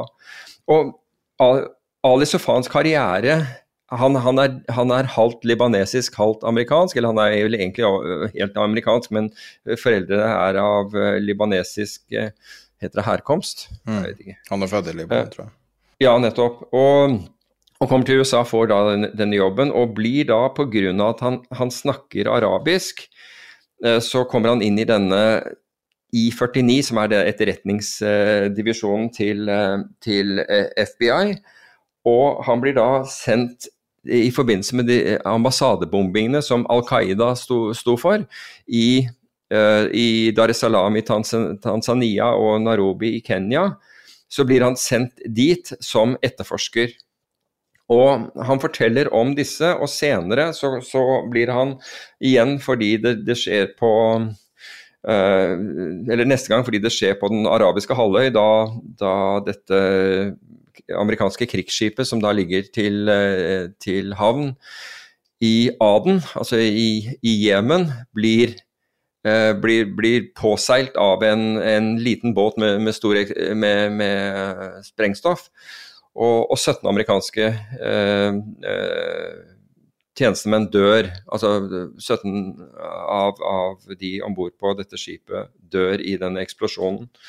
Og han blir sendt dit for å, for å etterforske. Og i, i, forbindelse med etterforskningen så, uh, så, gjør han en hel rekke avhør. Og han gjør dette med, med, så bra resultat at når vi kommer da litt senere nå altså Han er da på denne squaden som har med Al Qaida å gjøre. For dette, av en eller annen grunn så har de valgt New York-kontoret, ikke Washington-kontoret av FBI, til å, til å, håndtere det som har med Al Qaida å gjøre. Så han, delt, så han, han avhører da en rekke av de, de så, såkalte kjente eh, terroristene, altså de som var da Det var en afghaner eh, som, eh, som sto for en treningsleir, en Al Qaida-treningsleir i Afghanistan som, de hadde, som amerikanerne hadde tatt osv., og, så videre, og mange av disse som, som da havnet på, i Guantánamo. Men poenget er at hele poenget er hvordan, man, hvordan de gikk frem for å få informasjonen, og hvordan denne informasjonen var mulig å oppdrive uten å bruke vold og tortur og, stressposisjoner og, og, og, den type ting. Og egentlig handler om hvor ineffektiv eh, tortur er. Fordi tor tortur fikk folk til å tilstå hva som helst. Altså de, de, de tilsto ting de ikke hadde vært med på, kunne ikke ha vært med på osv. Men, mens uh, avhørsteknikkene, eller forhørsteknikkene, jeg er ikke sikker på hvilken terminologi man bruker. fordi det er jo en, er en, en uh, nordmann, uh, som jeg husker ikke fornavnet hans, han heter Rakleb til, til, etternavn. Så politimann som har studert dette, som, som, fikk anledning til å dra til England og studere bl.a. Uh, forhørsteknikk og, og, og, og, den type ting, og har brakt dette til Norge for å gjøre norske politi enda, enda bedre. Men i hvert fall, hele poenget med denne boken er da at de aller meste tingene, fleste tingene får du altså, kan du få gjennom, gjennom eh, regulære eh, samtaler med, med, med, fanger. Og det er ikke nødvendig å gå til altså Det er ikke nødvendig å bry, bryte Genévekonvensjonen og alle, selv om, og andre, eh, andre lover, selv om USA på en måte hevdet at de ikke hadde gjort det. Og, og det tredje oppi det hele, det var jo at um, mange av de som ble tatt som terrorister, også som havnet i, eh, i Guantánamo, var jo, var jo mennesker som ikke hadde noe med det å gjøre i det hele tatt. fordi Uh, tajikiske leiesoldater, altså under Nordalliansen, fikk penger av amerikanerne for å bringe dem i anførselstegn terrorister, og det de gjorde var å dra inn i en landsby og, og, og kidnappe noen, noen uh, eh, noen mannspersoner, og som da var eh, eh, som da var fighting age males, altså FAMS, uh, og, og, presentere disse som, som viktige, viktige, krigere eller terrorister osv. Men i hvert fall, boken er, er ekstremt, inter, ekstremt, interessant. Den blir mer interessant det nærmere du kommer 9-11 og alt det som, det som skjer rundt der, og du ser hvordan ting blir Hvor bl.a.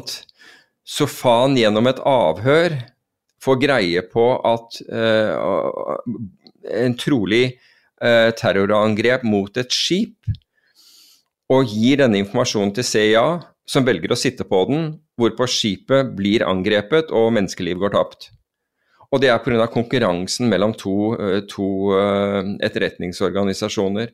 Så selv etterpå så, så, så ville man ikke stå skolerett for på en måte det man, må, metode man hadde brukt og, og anvendt i, den, i, denne tiden. Boken er, er som sagt, jeg syns den er veldig interessant, for dette har jo med dette har jo ikke minst med psykologi å gjøre, og evnen du har til å, til å, til å skape en forbindelse med et annet menneske, slik at, at, du får en samtale og du får vite sannheten. da.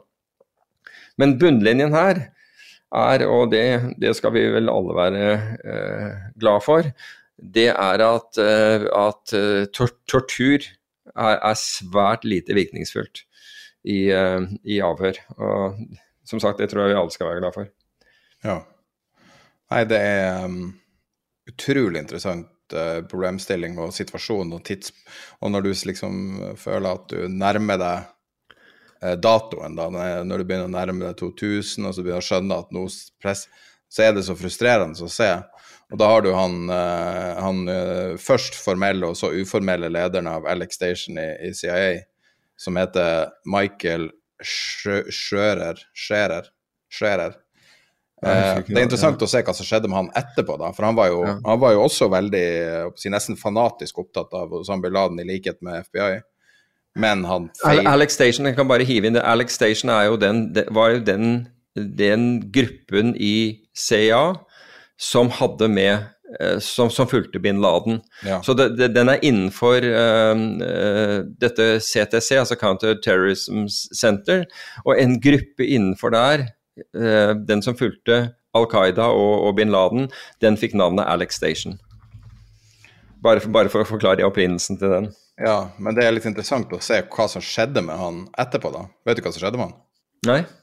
Så han, uh, han ble jo uh, Han ble vel først uh, bare stua i et hjørne, og så slutt fikk han sparken. Og så fikk han sparken fra Jamestown, der han jobba.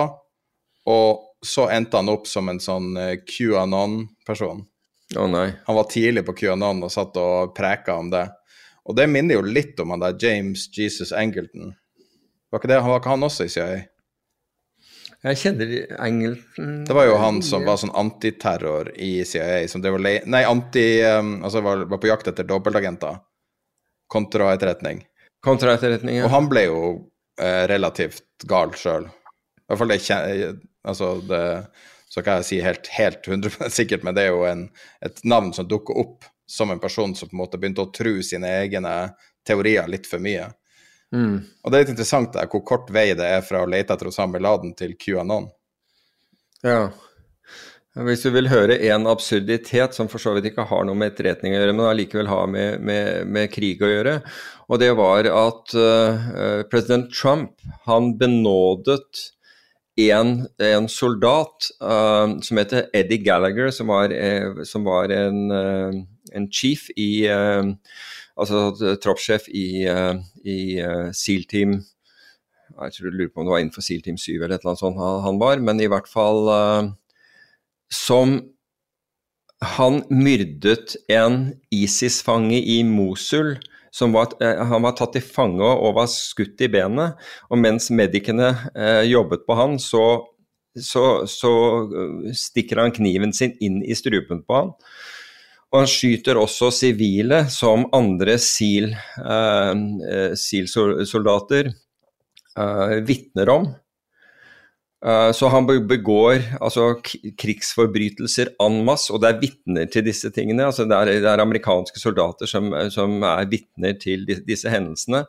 Og det er mannen, Eddie Gallagher, som da Trump finner ut at han skal uh, benåde, for han fikk, han, han ble, fikk jo fengselsdom.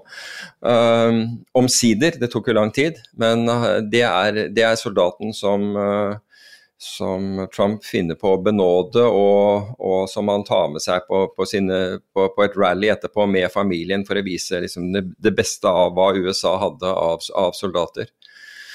Og Man lurer av og til på, det amerikanerne må jo lure på dette hele tiden, hvorfor det er så mange som vil dem, eh, vil dem vondt. Men det er jo, de har noe de har nå forvoldt en del, del, vondt, de også. Det er ikke det at jeg er ikke en anti-amerikaner altså når det gjelder krig i det hele tatt, men det er jo av og til ting som, som det er helt uforståelig. Nei, men, og, den her, og den her situasjonen som starta Jeg vet ikke når historien starta, 95-97, rundt der. Uh, den er, det er virkelig helt utrolig. Tenker du med sofaen? Ja, med sofaen, altså i forhold til boka. Tilbake. Nei, det starter Ja, det vet jeg ikke, men den starter vel 97 disse bom... inn 98, er det, er det ikke 98 disse bombingene er i, eh, i Afrika? Jo, de ambassadebombingene i Afrika? Det er vanskelig å huske datoen, men det, det, føles Altså, det føles jo som en annen tid, men det er jo på en måte de situasjonene som la til rette for den moderne verden, nesten. Ja. Ja. Så, Nei, jeg syns det er utrolig interessant, og, eh, og, den boka kan du eh, kjøpe ved å klikke på link. Uh, vi, vi, det går liksom via ark, men det er et system som vi, som vi samarbeider med Gyllendal om. Så det er jo også nok en indirekte måte å støtte podkasten på, men her får du da ei billig og veldig bra bok. For å ta én ting til mens jeg har det på hjertet i forbindelse med Ali Sofan, og det var sjefen hans, altså som het John O'Neill, som var en størrelse helt klart innenfor New York-kontoret til, til, FBI, men som ikke var likt lenger oppe i, i organisasjonen. Men som var, han var ganske kontroversiell, men var veldig eh, resultatorientert, og han mente jo at de skulle forfølge alle disse Al Qaida-sporene. Um, han gir bl.a. Ali Sofan all den hjelp han kan få, de ressursene, slik at han kan få gjort best mulig jobb. Men John O'Neill blir da etter hvert så upopulær innenfor FBI, fordi han er litt sånn antiautoritær. Men han får resultater, så han forlater da FBI og får da jobben som sikkerhetssjef. Get this i World Trade Center. Og han hadde da advart mot terror, og, og, og terror på amerikansk jord, at det var nært forestående og han befinner seg i World Trade Center den dagen hvor angrepet skjer, og dør, eh, dør i World Trade Center.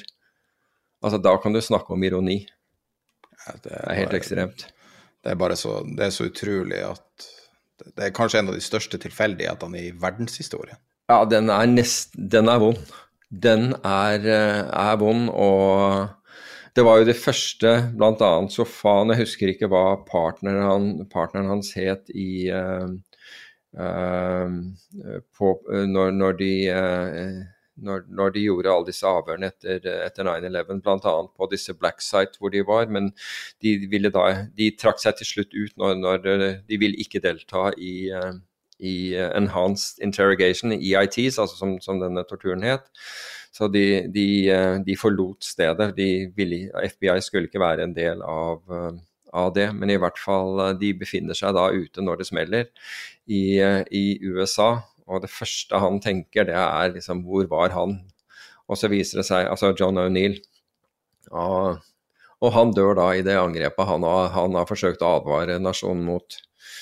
Nei, det er ironisk. Ja, det er veldig tragisk. Men da tror jeg jeg vil runde av dag, dagens episode Sorry, jeg fikk en litt klump i halsen av det du snakka om, for å være helt ærlig.